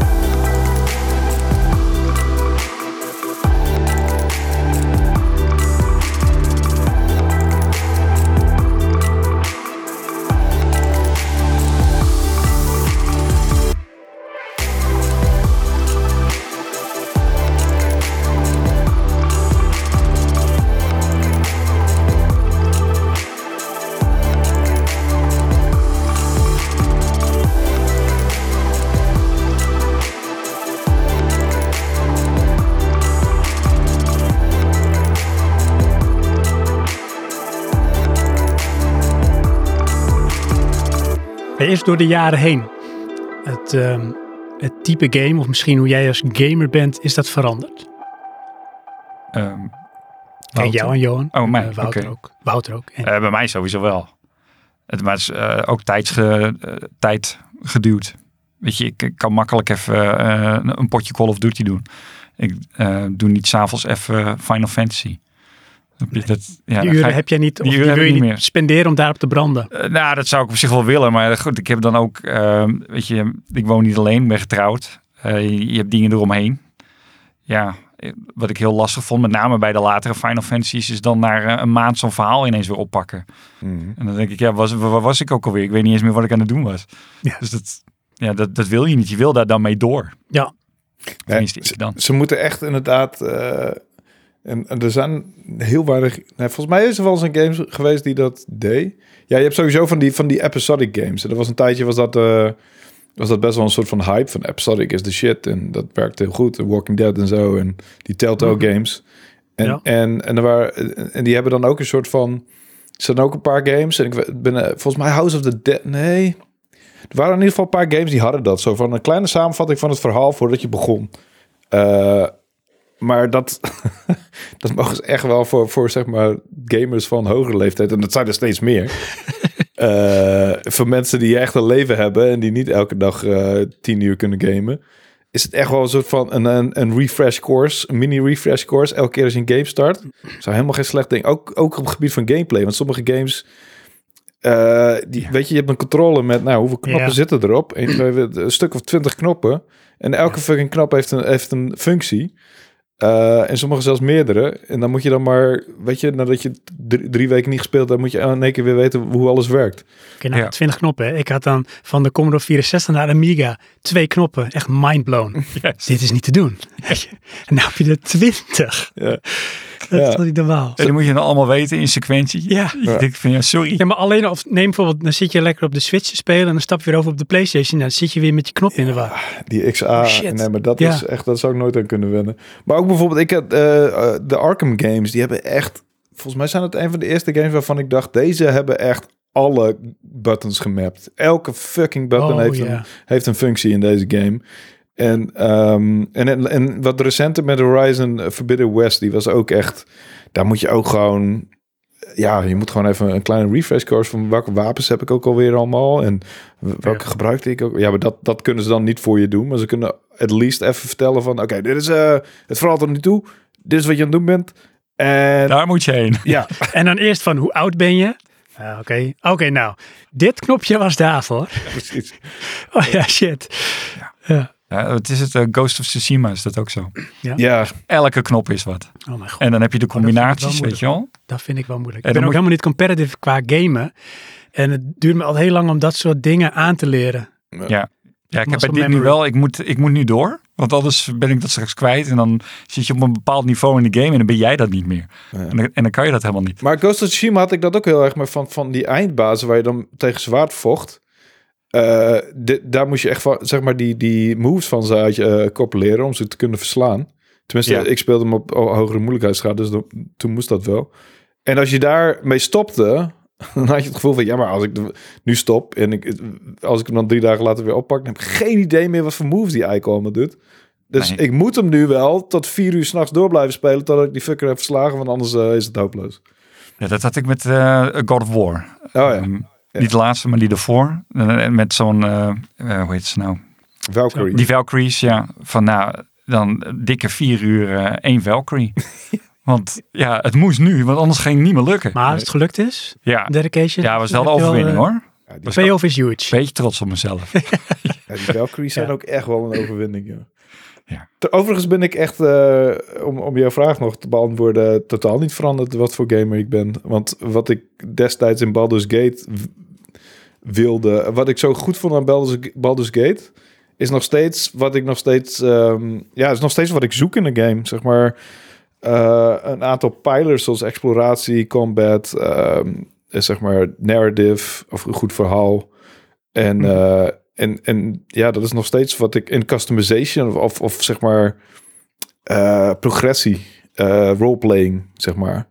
Dat zijn eigenlijk de dingen die ik nog steeds zoek in games. En dat is eigenlijk niet veranderd. En nou, ja, ook wel een beetje wat er wel bij is gekomen, maar dat heb ik ook al sinds XCOM, is zeg maar tactics en strategie en een beetje uitgedaagd worden en na moeten denken. Ehm, en eigenlijk, ja, pas, sinds ik ontdekt heb dat ik dat tof vind, is dat eh, ja, wat, wat ik nastreef in games en wat ik nou op zoek ben in games. En dat is volgens mij de laatste 30 jaar amper veranderd. Oké, maar betekent ook dat bepaalde titels jou gewoon voorbij gaan daardoor? Eh, nou ja, nou, omdat het mijn werk is, eh, gaat er weinig aan mij voorbij. Maar stel, eh, ja, er zijn natuurlijk genoeg titels die ik aan, ah, waarvan ik weet dat ik ze niet boeiend vind en die laat ik aan anderen over. Met plezier. Mhm. Zoals bijvoorbeeld Call of Duty, FIFA. Ehm, FIFA echt? ja, FIFA, vind ik- nee. Geen worldbuilding en eh, diepgang met characters. nee die diepgang met characters is vast wel, ja. Maar die zijn die characters die ik boeiend, boeiend vind, zeg maar. Eh, Worldbuilding. eh, ja, ik, ik heb. ehm, eh, nee, dat is echt niet meer. En, en Souls-likes waren ook niet echt mijn ding. Totdat Elden Ring kwam. Want dat was wel weer dan volledig mijn ding. ja, ik durfde het niet. Nee, dat, Het, eh, ik heb toen een Souls Ring en dat, wat, gewoon strafwerk. Werd Ja, nee, dat is niet leuk. Dat vind Ja. ik ook niet leuk. Dat niveau haal ik niet. nee, maar dat strafwerk zat, zat hem, wat mij betreft, voornamelijk in het. ehm, zeg maar de, de routes die je helemaal opnieuw moest doen naar een eindbaas toe. Ja, En dat, ja. dat is dus in Elden Ring echt eh, bijna helemaal niet meer zo. Oké, ja. Dus dat, ja. Want je moet nog wel inderdaad die, die, die eindbaas verslaan, maar je hoeft niet die hele pokken end er naartoe 80 keer opnieuw te doen. Ja. Want je hebt dan ook Ja, maar dat was echt het probleem. eh, want weet je, dan heb je de eindbaas mislukt. Nou, gaan we nog een keer. En dan haal je die eerste duwt dan niet eens die je tegen. Maar dat is gewoon serieus gewoon training. Martial arts, weet je wel. To the max bij spreken qua dedication. Ja, Je moet elke move perfect weten. Ja, maar, Ja, dat, maar- is, dat is dus, dus niet meer nodig in Elden Ring. Want je bent gewoon, je kunt praktisch, eh, ja, ja, volgens mij, voor zover ik weet, kun je meteen, zeg maar, naar elke eindbaas toe warpen, zeg maar. En dan, Ja. En dan hoef je dus niet de hele eh, route af te leggen. En je hebt wel een aantal kastelen waar je wel eh, eh, een, een bepaalde routes eh, een aantal keer moet doen. En dat is ook best wel pittig. Eh, en dat is volgens mij ook het eerste, zeg maar, bo eh, bottleneck waar heel veel, zeg maar, spelers eh, gestrand zijn. In Stormwind Castle heette die volgens mij. Dat was weer echt alsof je een fucking Demon Souls of een eh, Dark Souls aan het spelen was. En toen dacht ik ook echt van, waar de hel ben ik mee bezig? Ehm, maar voor de rest, nee, de, de Elden Ring, alle, alle redenen waarom ik niet een Souls-like wilde spelen, die, die, eh, die waren weg in, in, in Elden Ring, zeg maar. oké. Dus ik wil je niet zeg maar, aanpraten om die alsnog te doen, maar het is wel echt veruit de beste game van 2022. Ja, Nou, dat is ook Game of the Year geworden, toch? het Ja. probleem in die games zit, ik, weet, ik, ik vind het allemaal zo tof uitzien. En dan, het heeft zijn sfeer en zijn eigen stijl, maar het, het is voor mij topsport. Dat is het. En daar word ik gewoon ongelukkig van. Ja, ik kan het niet eens. Ik kan het gewoon niet. Dan ga ik er wel naar kijken, naar een Ja. stream van iemand die het speelt. Ja, ja. Dat is nog wel Dan heb je misschien toch nog een beetje een soort met... Ja. Dan neigt een beetje naar de ervaring dat je het zelf speelt. Ja, ja, ik, ik, ik kan het ook niet, hè, maar er is een, een, een ehm, eh, hoe noem je dat? Een kleine cheat in die game. En dat is gewoon met, met vrienden die het wel kunnen. Oh ja. Oh ja, Ja. precies. Die kunnen jou dan letterlijk eh, helpen. Ja, dus die helpen. Ik, ik heb een Michaela, Michaela de, de, de aller fucking moeilijkste eindbaas van heel die game. En misschien wel van alle Souls-likes bij elkaar. Maar dat zou ik niet durven beweren, want ik heb er niet zoveel gespeeld. Die, eh, die heb ik samen met mijn vriendin en met een vriend van haar gewoon met z'n drieën. Eh, ja. En dan is die, die health bar is veel langer en groter. Hm. Eh, maar ja, je, je, je hoeft je niet zo extreem te concentreren, omdat iemand anders het werk voor je doet. Maar toch Deels. heb je wel het gevoel dat het eh, de ervaring is, alsof je het speelt. Nou ja, dat maakt mij niet zoveel uit. Ik bedoel, kan wel, er zijn genoeg mensen die zeggen van... ja, je hebt, je hebt, je hebt eigenlijk die eindbaas niet verslagen om die reden. En dan zeg ik nee, sure. Maar ik vond het wel vet. Ik was er wel bij. Ja. Who cares? En ik heb, Ja. ik heb die eh trofee ook, dus eh fuck, Ja. fuck you.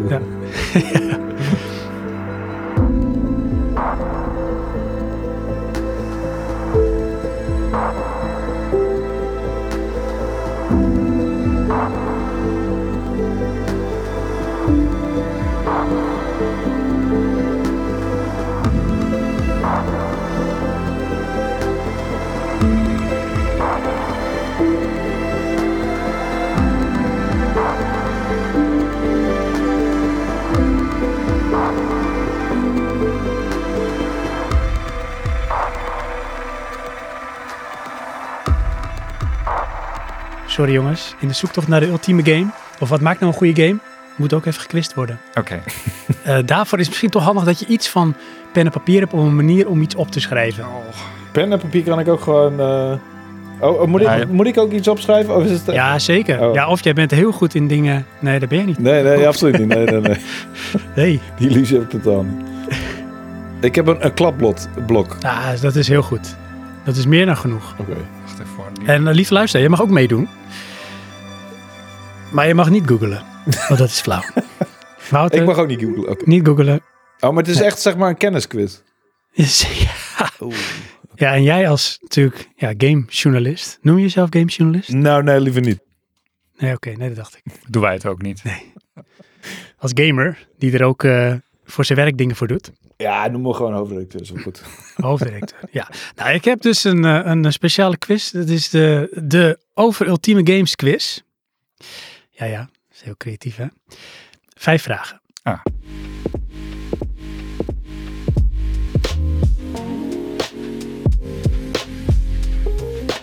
Volgens mij. Oh. En eh, nou ja, weet je, dan, eh, dan kun je punten mee verdienen en de meeste punten die wint. En dan dus eerst eh, ah. ja, segment one. Eh, dan gaan we dus door die vijf vragen en daarna even de antwoordjes. Ja. Oké. Vraag 1, ben je er klaar voor? Eh, ja. Ja. Krijg ik dan een bonuspunt? Ik typ vast ja. Trick question. Oh. Daar gaan we. Eh, Jan Meijroos die schreef in augustus 2021 voor het AD over de best verkochte games ooit. Hoeveel eh, ehm, alinea's was die tekst? Nee, is niet waar. Hij benoemt een top 5 van beste verkochte games ooit. Eh, benoem eh, er twee uit die top 5. En die mag je opschrijven, hoef je niet te benoemen, mag je opschrijven. Oké, maar ik, ik moest het nu niet noemen. Hè? Ik moest gewoon opschrijven en dan gaan we Nee. door naar de volgende. Ja, ja, precies. Ja, dat You got it. Ja. Ehm, ja. Ook hier, denk er niet te lang over na. Ja. Ik weet het dan toch niet, dus dat maakt niet uit. beste verkochte games ooit. En misschien zijn het dan ook wel goede games. Verkocht echt. Dus het is mag, de gratis games tellen niet mee. Och jeetje, nee, dat weet ik eigenlijk niet. Het is niet Nou, meest ga maar, ga maar uit Nee, nee, oké, ik heb allemaal de, grote titels. Ja, Ja, ja. oké, ja. Johan, jij ook? Ja. Ah, top. Vraag 2, 2, 2, 2. Nu dezelfde effecten. In 2014 schreef Roy, misschien ken jij hem nog, Wouter, van de PU, over iconische gamequotes Ah. op de, op de website. Oh, Roy. Ja, ja, zeker ken ik die. Ja, ja. Kijk. Ik ben er wel. Het was een van mijn stagiairs, ja. Nou, kijk, there you go. Uit welke iconische game komt deze iconische quote? The right man in the wrong place can make all the difference in the world. Wauw. Dus the right man in the wrong place can make all the difference in the world. Eh, we moesten de game weten, hè? Ja, uit Oké. welke iconische game komt deze iconische quote? Goed. Ik heb echt geen flauw idee. Ja, Wauw. What a silly answer. Eh.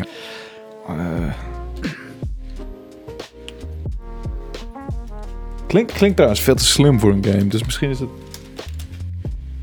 Toch klinkt het wel bekend, hè? Ja, I guess. Nou ja, Ik zie eh, Samuel Jackson voor me. dus, ja, nee. Snakes are not playing the game. hij, hij, zat in, hij zat in de GTA San Andreas. Oh, die ga ik opschrijven. nee, dat is hem niet. Weet je niet? Nee, nou. Hmm. Oké. Er wordt nog getikt. Nou ja, ik ben even gewoon... Ik schrijf alle games op. Schrijf al je games. Net zolang dat het niet is. oppopt. Zit wel een goede tussen. Gaan we door met vraag 3. 3, 3. In september van 2018 schreef de website SVG over de game die het moeilijkste is om 100% te behalen.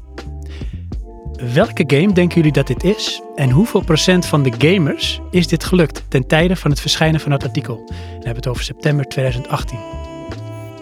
September 2018. Moeilijkst. Ja, welke game was het moeilijkst om 100% te behalen? Met, met de 100% van de trophies of achievements? Of... Ja, ja dus eh, ik zal hem even narrow it down. Het is een, eh, een Sony-titel, Ah, oké. PlayStation-titel. Right. Echt 100% eh, op PlayStation eh, behalen. Jeetje. Mhm. En ik kan je nu alvast vertellen. Het is een Japanse Ja, game. dat- Nee, nee, ik moet ook niet zeggen. Nou, zal ik dat? Het is, zo het is sowieso een Japanse game, maar die hebben altijd... Dat moet dat. Het is niet de game die je denkt dat het is. Dat kan ik je nu al vertellen. Oh, dank je, want ik wist geen game. Ja, dat narrows it down. ja. Eh, dat is hem dus niet. Goed. Ja? Nee, maar ja, maakt het uit. Nee. Ik, Dus dan gaan we gewoon door met vraag 4. Ja. In oktober van dit jaar schreef de website GameRant over de top 20 most heartbreaking endings in games. Gok welke er op één staat en noem er nog twee. Heartbreaking endings. Ja, de most heartbreaking endings in games. maar is, het, je? is het dan het einde van de game? Ja, een eind, ja, ending. Dus ja, een game einde. Je van, oh, zielig. Ehm, man, het echt. Dus wie staat er op één en kun je er nog twee noemen uit dat lijstje? Wat is de top 20? Wacht even, moet ik nou drie titels noemen? Ja. wanneer is het, Eén. dat was dit jaar hè, verschenen? Ja, hij verscheen dit jaar. Ja. Ja. ja. En FIFA zit er niet tussen. Ondanks de fantastische Ja. worldbuilding. Ja, diepgang met characters. Ja? Jullie zijn snel, denk ik. Of ben je nog heel Ja, aan het nee, ik denken? heb, ik heb er, ja. Johan, Ik heb er al nul. wat komt er in je op? Ja, dat is het dus. Ik kan niet op die titel komen. Laat die nog even zo. Ja, is goed. Gaan we door met de laatste vraag. Mooi. Je wist het misschien niet, maar op IMDb staan ook videogames gerankt. Oh. Ja. Bovenaan de lijst staat een game met de score van 1.0, als in echt slechts gerankt. Wat is de titel van deze game? Oh, oké. Voor welk platform komt hij uit? Is hij uitgekomen bedoel ik? En welk jaar? Oh, maar ik weet welke game het is, maar ik weet die titel even niet. Dus ik mag ik dan even... eh, eh, Nee. Dan ga je, die mag ik even googlen. Mag ik Ik even... ga Nee, nee, nee, ik ga niet googlen, zeg maar. Wat, Oh. Ik ga gewoon niet... Wat ik denk dat die titel is... eh Ja, is goed. googlen. Ja. Dat kun je doen. Ik ga, Ik ga, niet, hint ik ga niet die lijst googlen, zeg maar. Dat ga ik niet doen. Nee. Ik geef een klein hint. Daar heb je helemaal geen reet aan, maar ik geef hem toch. Ja? De game is gemaakt in Venezuela. Wow, oké. Ja, dat is- jammer dit. dat- Dat narrows it down. Ja, ja. van Dus de dat titel, wat ik had. Dus eh, welk platform en welk jaar. En voor alle drie de dingen, ja, voor alle drie kun je een punt verdienen. Dus weet je, Eh, zet gewoon wat neer. Hoe heet die nou, joh? Eh, nou ja, ik denk... Ja, oké. Eh. Eh. Eh. Wat zijn eh, platform en jaren? Ja. Titel, en ja. platform en jaar. Titel, platform, ja. Ja, ik denk. eh Klapsigaar.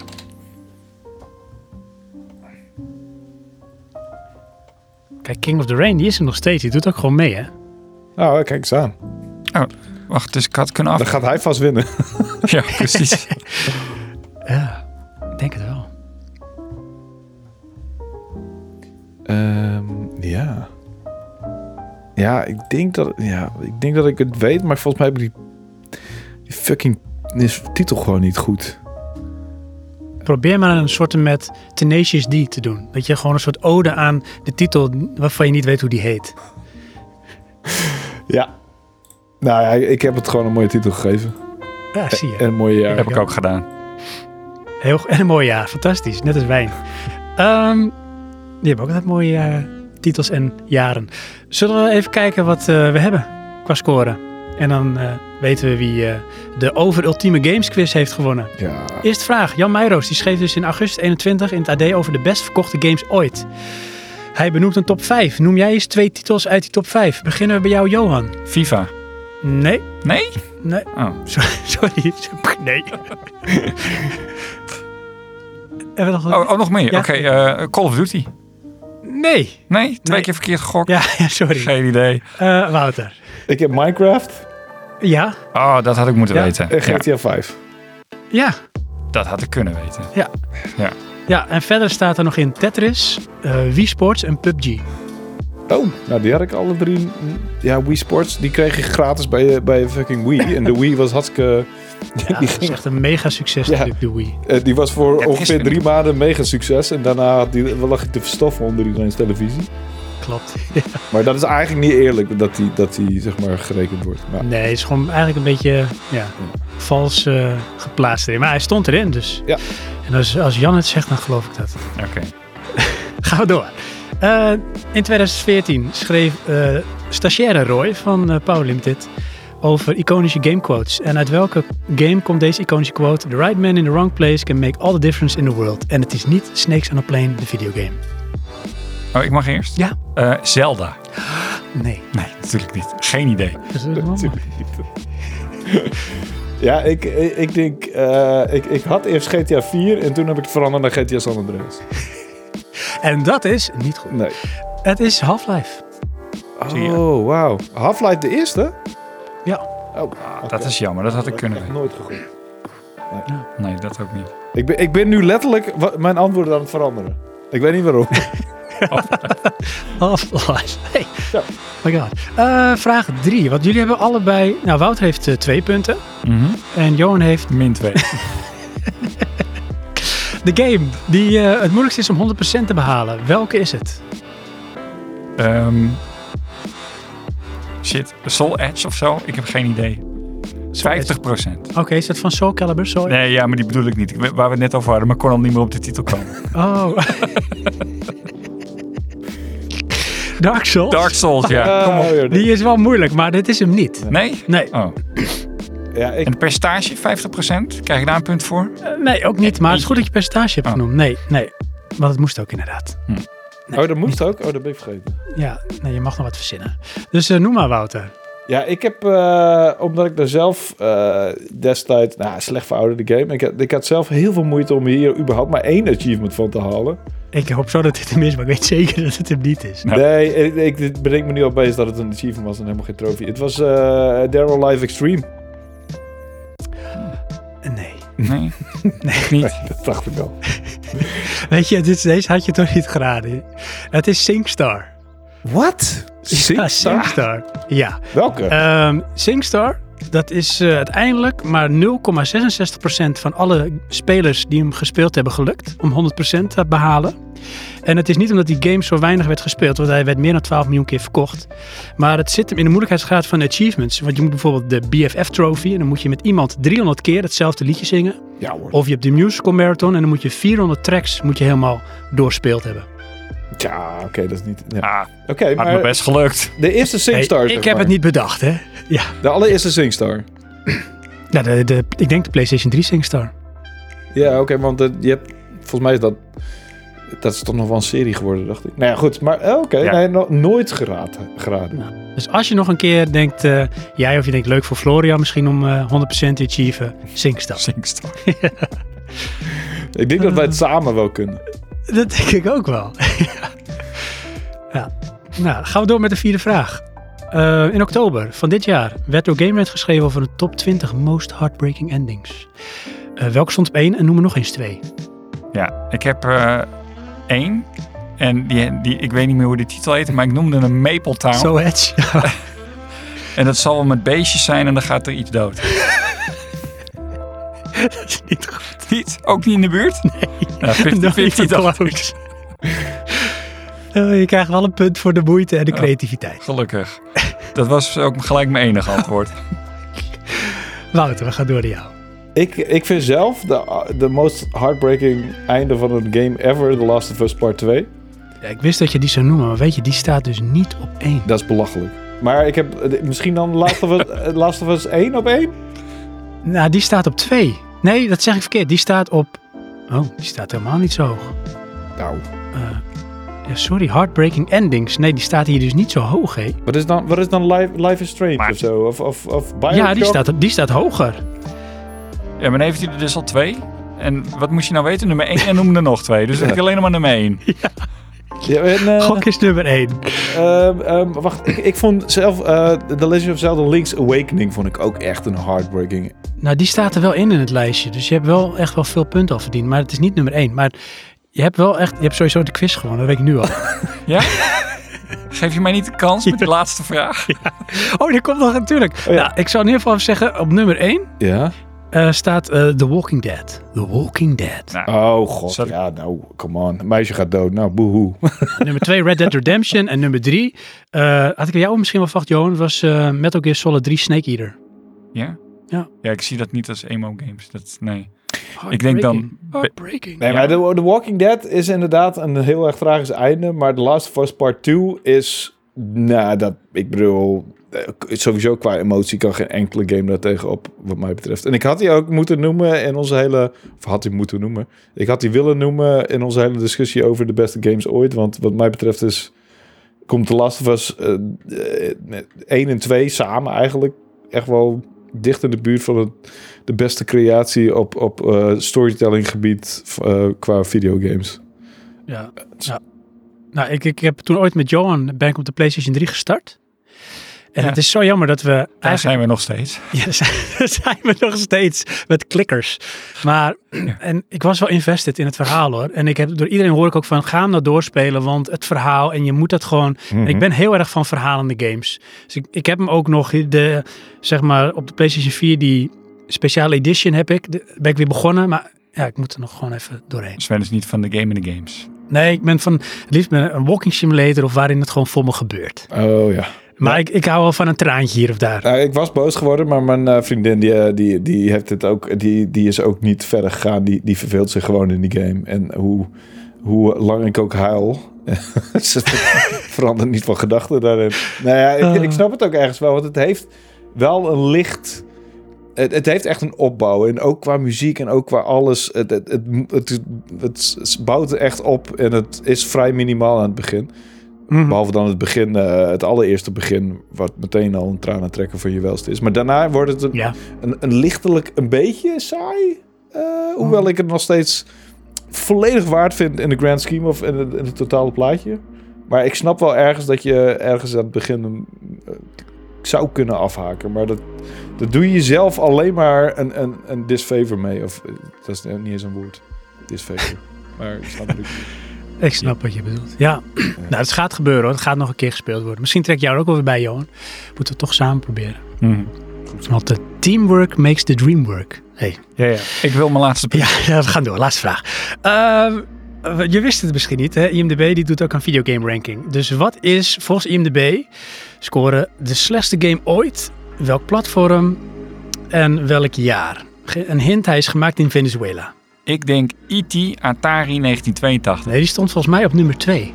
Oh, wel, wat netjes. Dat is een hele goeie. Daar heb ik niet eens aan gedacht. Ehm, ja, ik, eh, ik, ik, ik zit nu opeens te twijfelen. Maar ik, ik had... eh, Er is een of andere soort van GTA-achtige game. B- Die, die heet iets met Hellride of zo. Het is met een motorbende. En ik dacht dat die het was. Maar nu zit ik te twijfelen, want Rogue Trooper zou ook wel eens die game kunnen zijn die het allerslechtste is en in Venezuela gemaakt is. Oké. Is het geen van beide? Wat anders google ik even door. Even de derde erbij. nee, ik heb niet gegoogeld, echt. Ik, Nee, ik kon hem namelijk niet vinden, eh Hellride. Dus Nee. ik- die, die titel klopt sowieso niet. Oké, nou het is, het is niet goed. Ja. Nee, Oh. het is niet goed. Ik moet eh, heel streng zijn. Ja. Kijk ook even naar de redactie. Ja, ik moet streng zijn. het is eh, namelijk eh, de in Venezuela gemaakte game voor de eh, Sega Genesis of de Mega Drive. Oh. Crazy Bus uit 2005. Wat? Nou, ga er maar eens op googlen. Het is echt... Hoezo, voor 2000, hoe, hoezo hebben ze in 2005 nog een game voor de Genesis gemaakt? Ja, geen idee. Het staat 2005. Ja, ik misschien... Oh ja, maar die, eh, die is daar opnieuw gereleased volgens mij. Dat is het denk ik, hé. De, de, de Sega, ja. Dat zou kunnen. Nou, Dat het, is, stond toen een item. het is echt verschrikkelijk. Ja. Alles wat, wat zeg maar elk levend eh, vezel in je lijf gaat stuk als je daarnaar kijkt en als je ernaar luistert. Ja, ja. Ja. Maar hij heeft wel iemand zijn best op gedaan. Dat is waar, maar Hoop je dan. als je de muziek alleen al luistert, hebben ze gewoon zeg maar de kat over het toetsenbord laten lopen. En dat zijn dan zeg maar de noten die worden aangeslagen. Soundtrack. Ja, maar ik vind het, het is lastig om. Ik bedoel, vroeger waren sommige games ook. Het is lastig om te bepalen in, in die, van die pixelbreien en van die 8-bit piepjes wat nou echt super kut is en wat gewoon een soort van artistieke te keuze is, vind ik. Maar goed, Ja. Eh, fair enough. Ja. Nou. We hebben wel een winnaar. Ja, ik eh, zal vast gaan staan met een prijs. Het is Wouter. Wouter, je hebt een chocoladereep eh, gewonnen. En eh, ik zorg dat hij uiteindelijk naar jou toe komt. Heel chill. Dat is echt, ik wil, ik wil hem eigenlijk nu, maar goed, ik snap dat dat niet mogelijk is. Dat komt misschien in de toekomst dat ik dan zo kan doen. Zo. Oh, En dan heb jij hem. Het gebeurde echt. Met sound effects. Flup. Ja. Ja.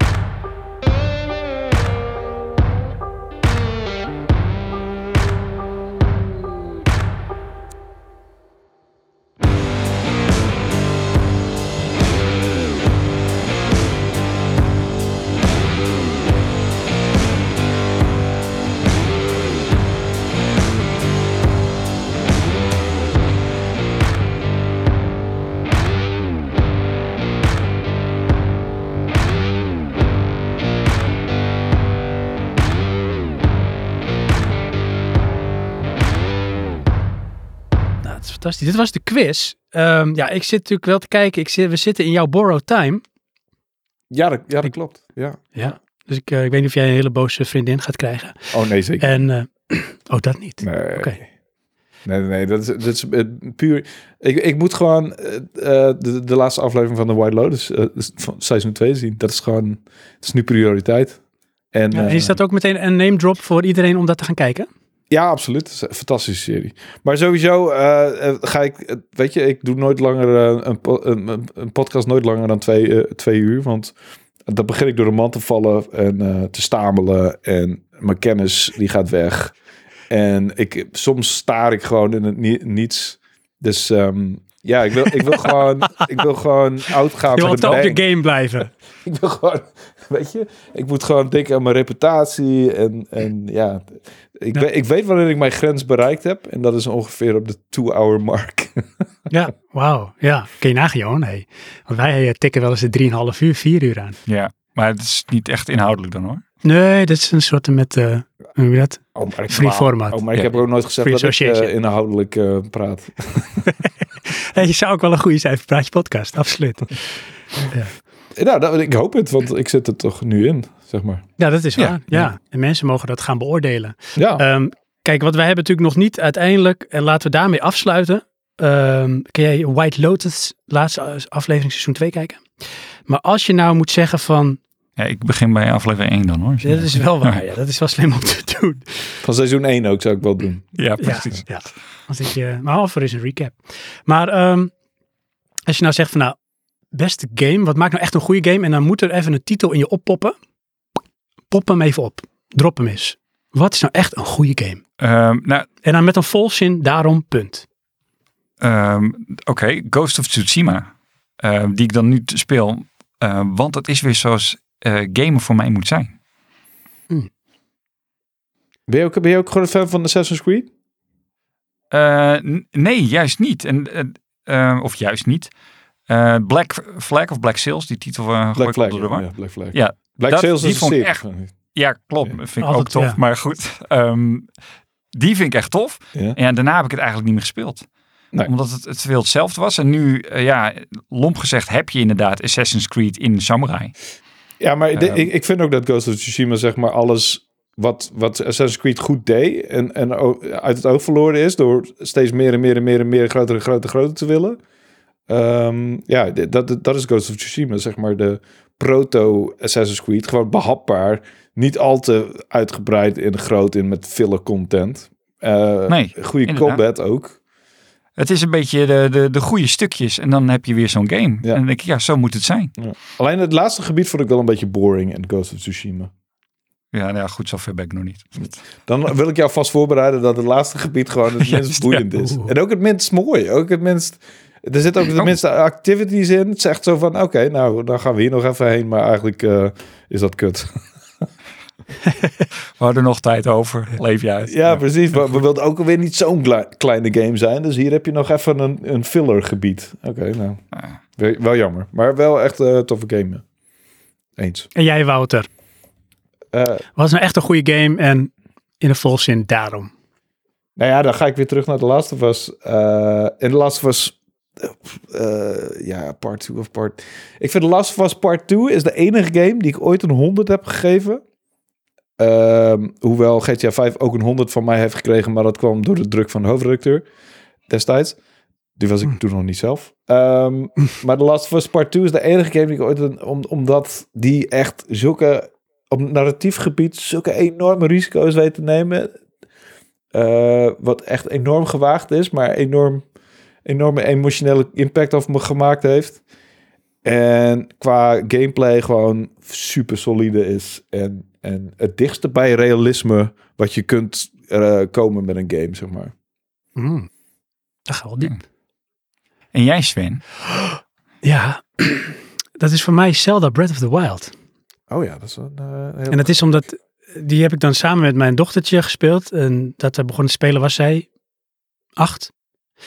En alles in die game overviel mij, zeg maar, op een hele mooie manier. Weet je, hoe groot, hoe wijd, hoe eigenlijk veel exploratieruimte je hebt. Hoe je je eigen avontuur kunt eh, meemaken. En dat dat ook echt zo voelt. Dus je gaat ergens naartoe, je ziet een berg op, nou dan kun je naartoe klimmen en daar gebeuren dingen en dat maak je mee. En zo heb je ook nog wel de rode draad. Maar dat hele totaalpakket van vrijheid, eh, het verhaal en gewoon die wereld, hoe dat leeft. Ja, dat maakt voor mij echt een, een goede, complete game. Avontuur. Heel, heel goed antwoord. Wel fout, maar ik ben heel goed. nee, ja, sorry. Ik ben een van de weinige mensen die, die Breath of the Wild... eh, eh, ik wilde Breath of the Wild spelen omdat ik een Zelda-game wilde spelen. En ik heb superveel open wereld games in mijn leven gespeeld. En ik had Hm. zoiets van, ja, ik ga nu een Zelda-game spelen. En toen kreeg ik een open wereld game die ik al zo vaak heb gespeeld. Toen had ik wel zoiets van, mm, dat is eigenlijk Ja. net wat ik niet wilde van een Zelda-game. Oh, maar het is wel, dan ben je eigenlijk een beetje vals ingestapt. Ja, ja, precies. Ik dacht, ik wil gewoon iets anders. En eh, voor mij is een open wereld game niet iets anders. Eh, en, en een Zelda leek me dat wel. Want ik, ik heb niet superveel Zelda's in mijn leven gespeeld. Wat best wel slecht is. Want Ja. Dan zou je ook eigenlijk Ocarina of Time zou je moeten proberen. Dat wordt dat denk ik eh, als een van de beste. Oh, maar die heb ik gedaan. Oh, maar die heb ik gedaan in de streamserie. eh samen met een collega, eh, ex-collega van mij, heb ik die eh, van begin tot eind, eh, inclusief die fucking watertempel, helemaal gespeeld. En eh, Maar hoe vond je die wel tof? Of had je iets van meh?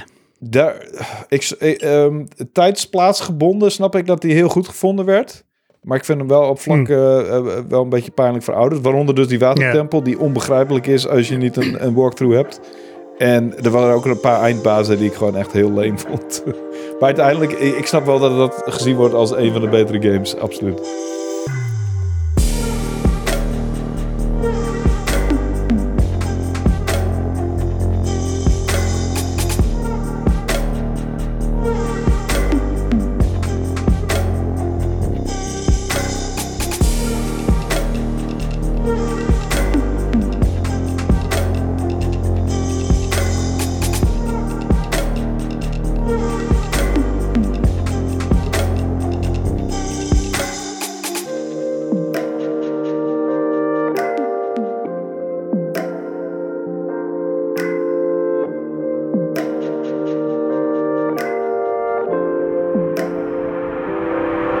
Hebben in ieder geval een soort antwoord op. Nou ja, wat is een goede game? Wat maakt een goede game? En wat maakt iemand die een quiz wint? En zo. en die ook voor chocola houdt. En ehm, ja, ik wil jou bedanken, Wouter. Geen probleem. Het was een, eh, een eh, pleasure. Het was eh, ook ons pleasure. Het was ook eh, technisch uitdagend. Hè? Livestream en zo. Paden waar we nog nooit gewandeld hebben. Het was heel spannend. Het was wel een beetje misschien een soort beetje Elden Ring-achtige ervaring. Ja? En dat wij dan wegrenden. Gewoon Ga ik de ergens baas. dood en beginnen we opnieuw? Ja, die skippen we gewoon. We rennen we omheen met een boog. Ja, ja. Weet je, we gaan hier eh, mee aan de slag om er een leuke aflevering van te maken. Die komt uiteindelijk online. Eh, voor onze live luisteraar, dat is King of the Rain. Chapeau. Dat je- ja, en zijn oren zijn stuk. Ehm, en dan eh, zeg ik eh, bedankt voor het luisteren. En tot De volgende keer.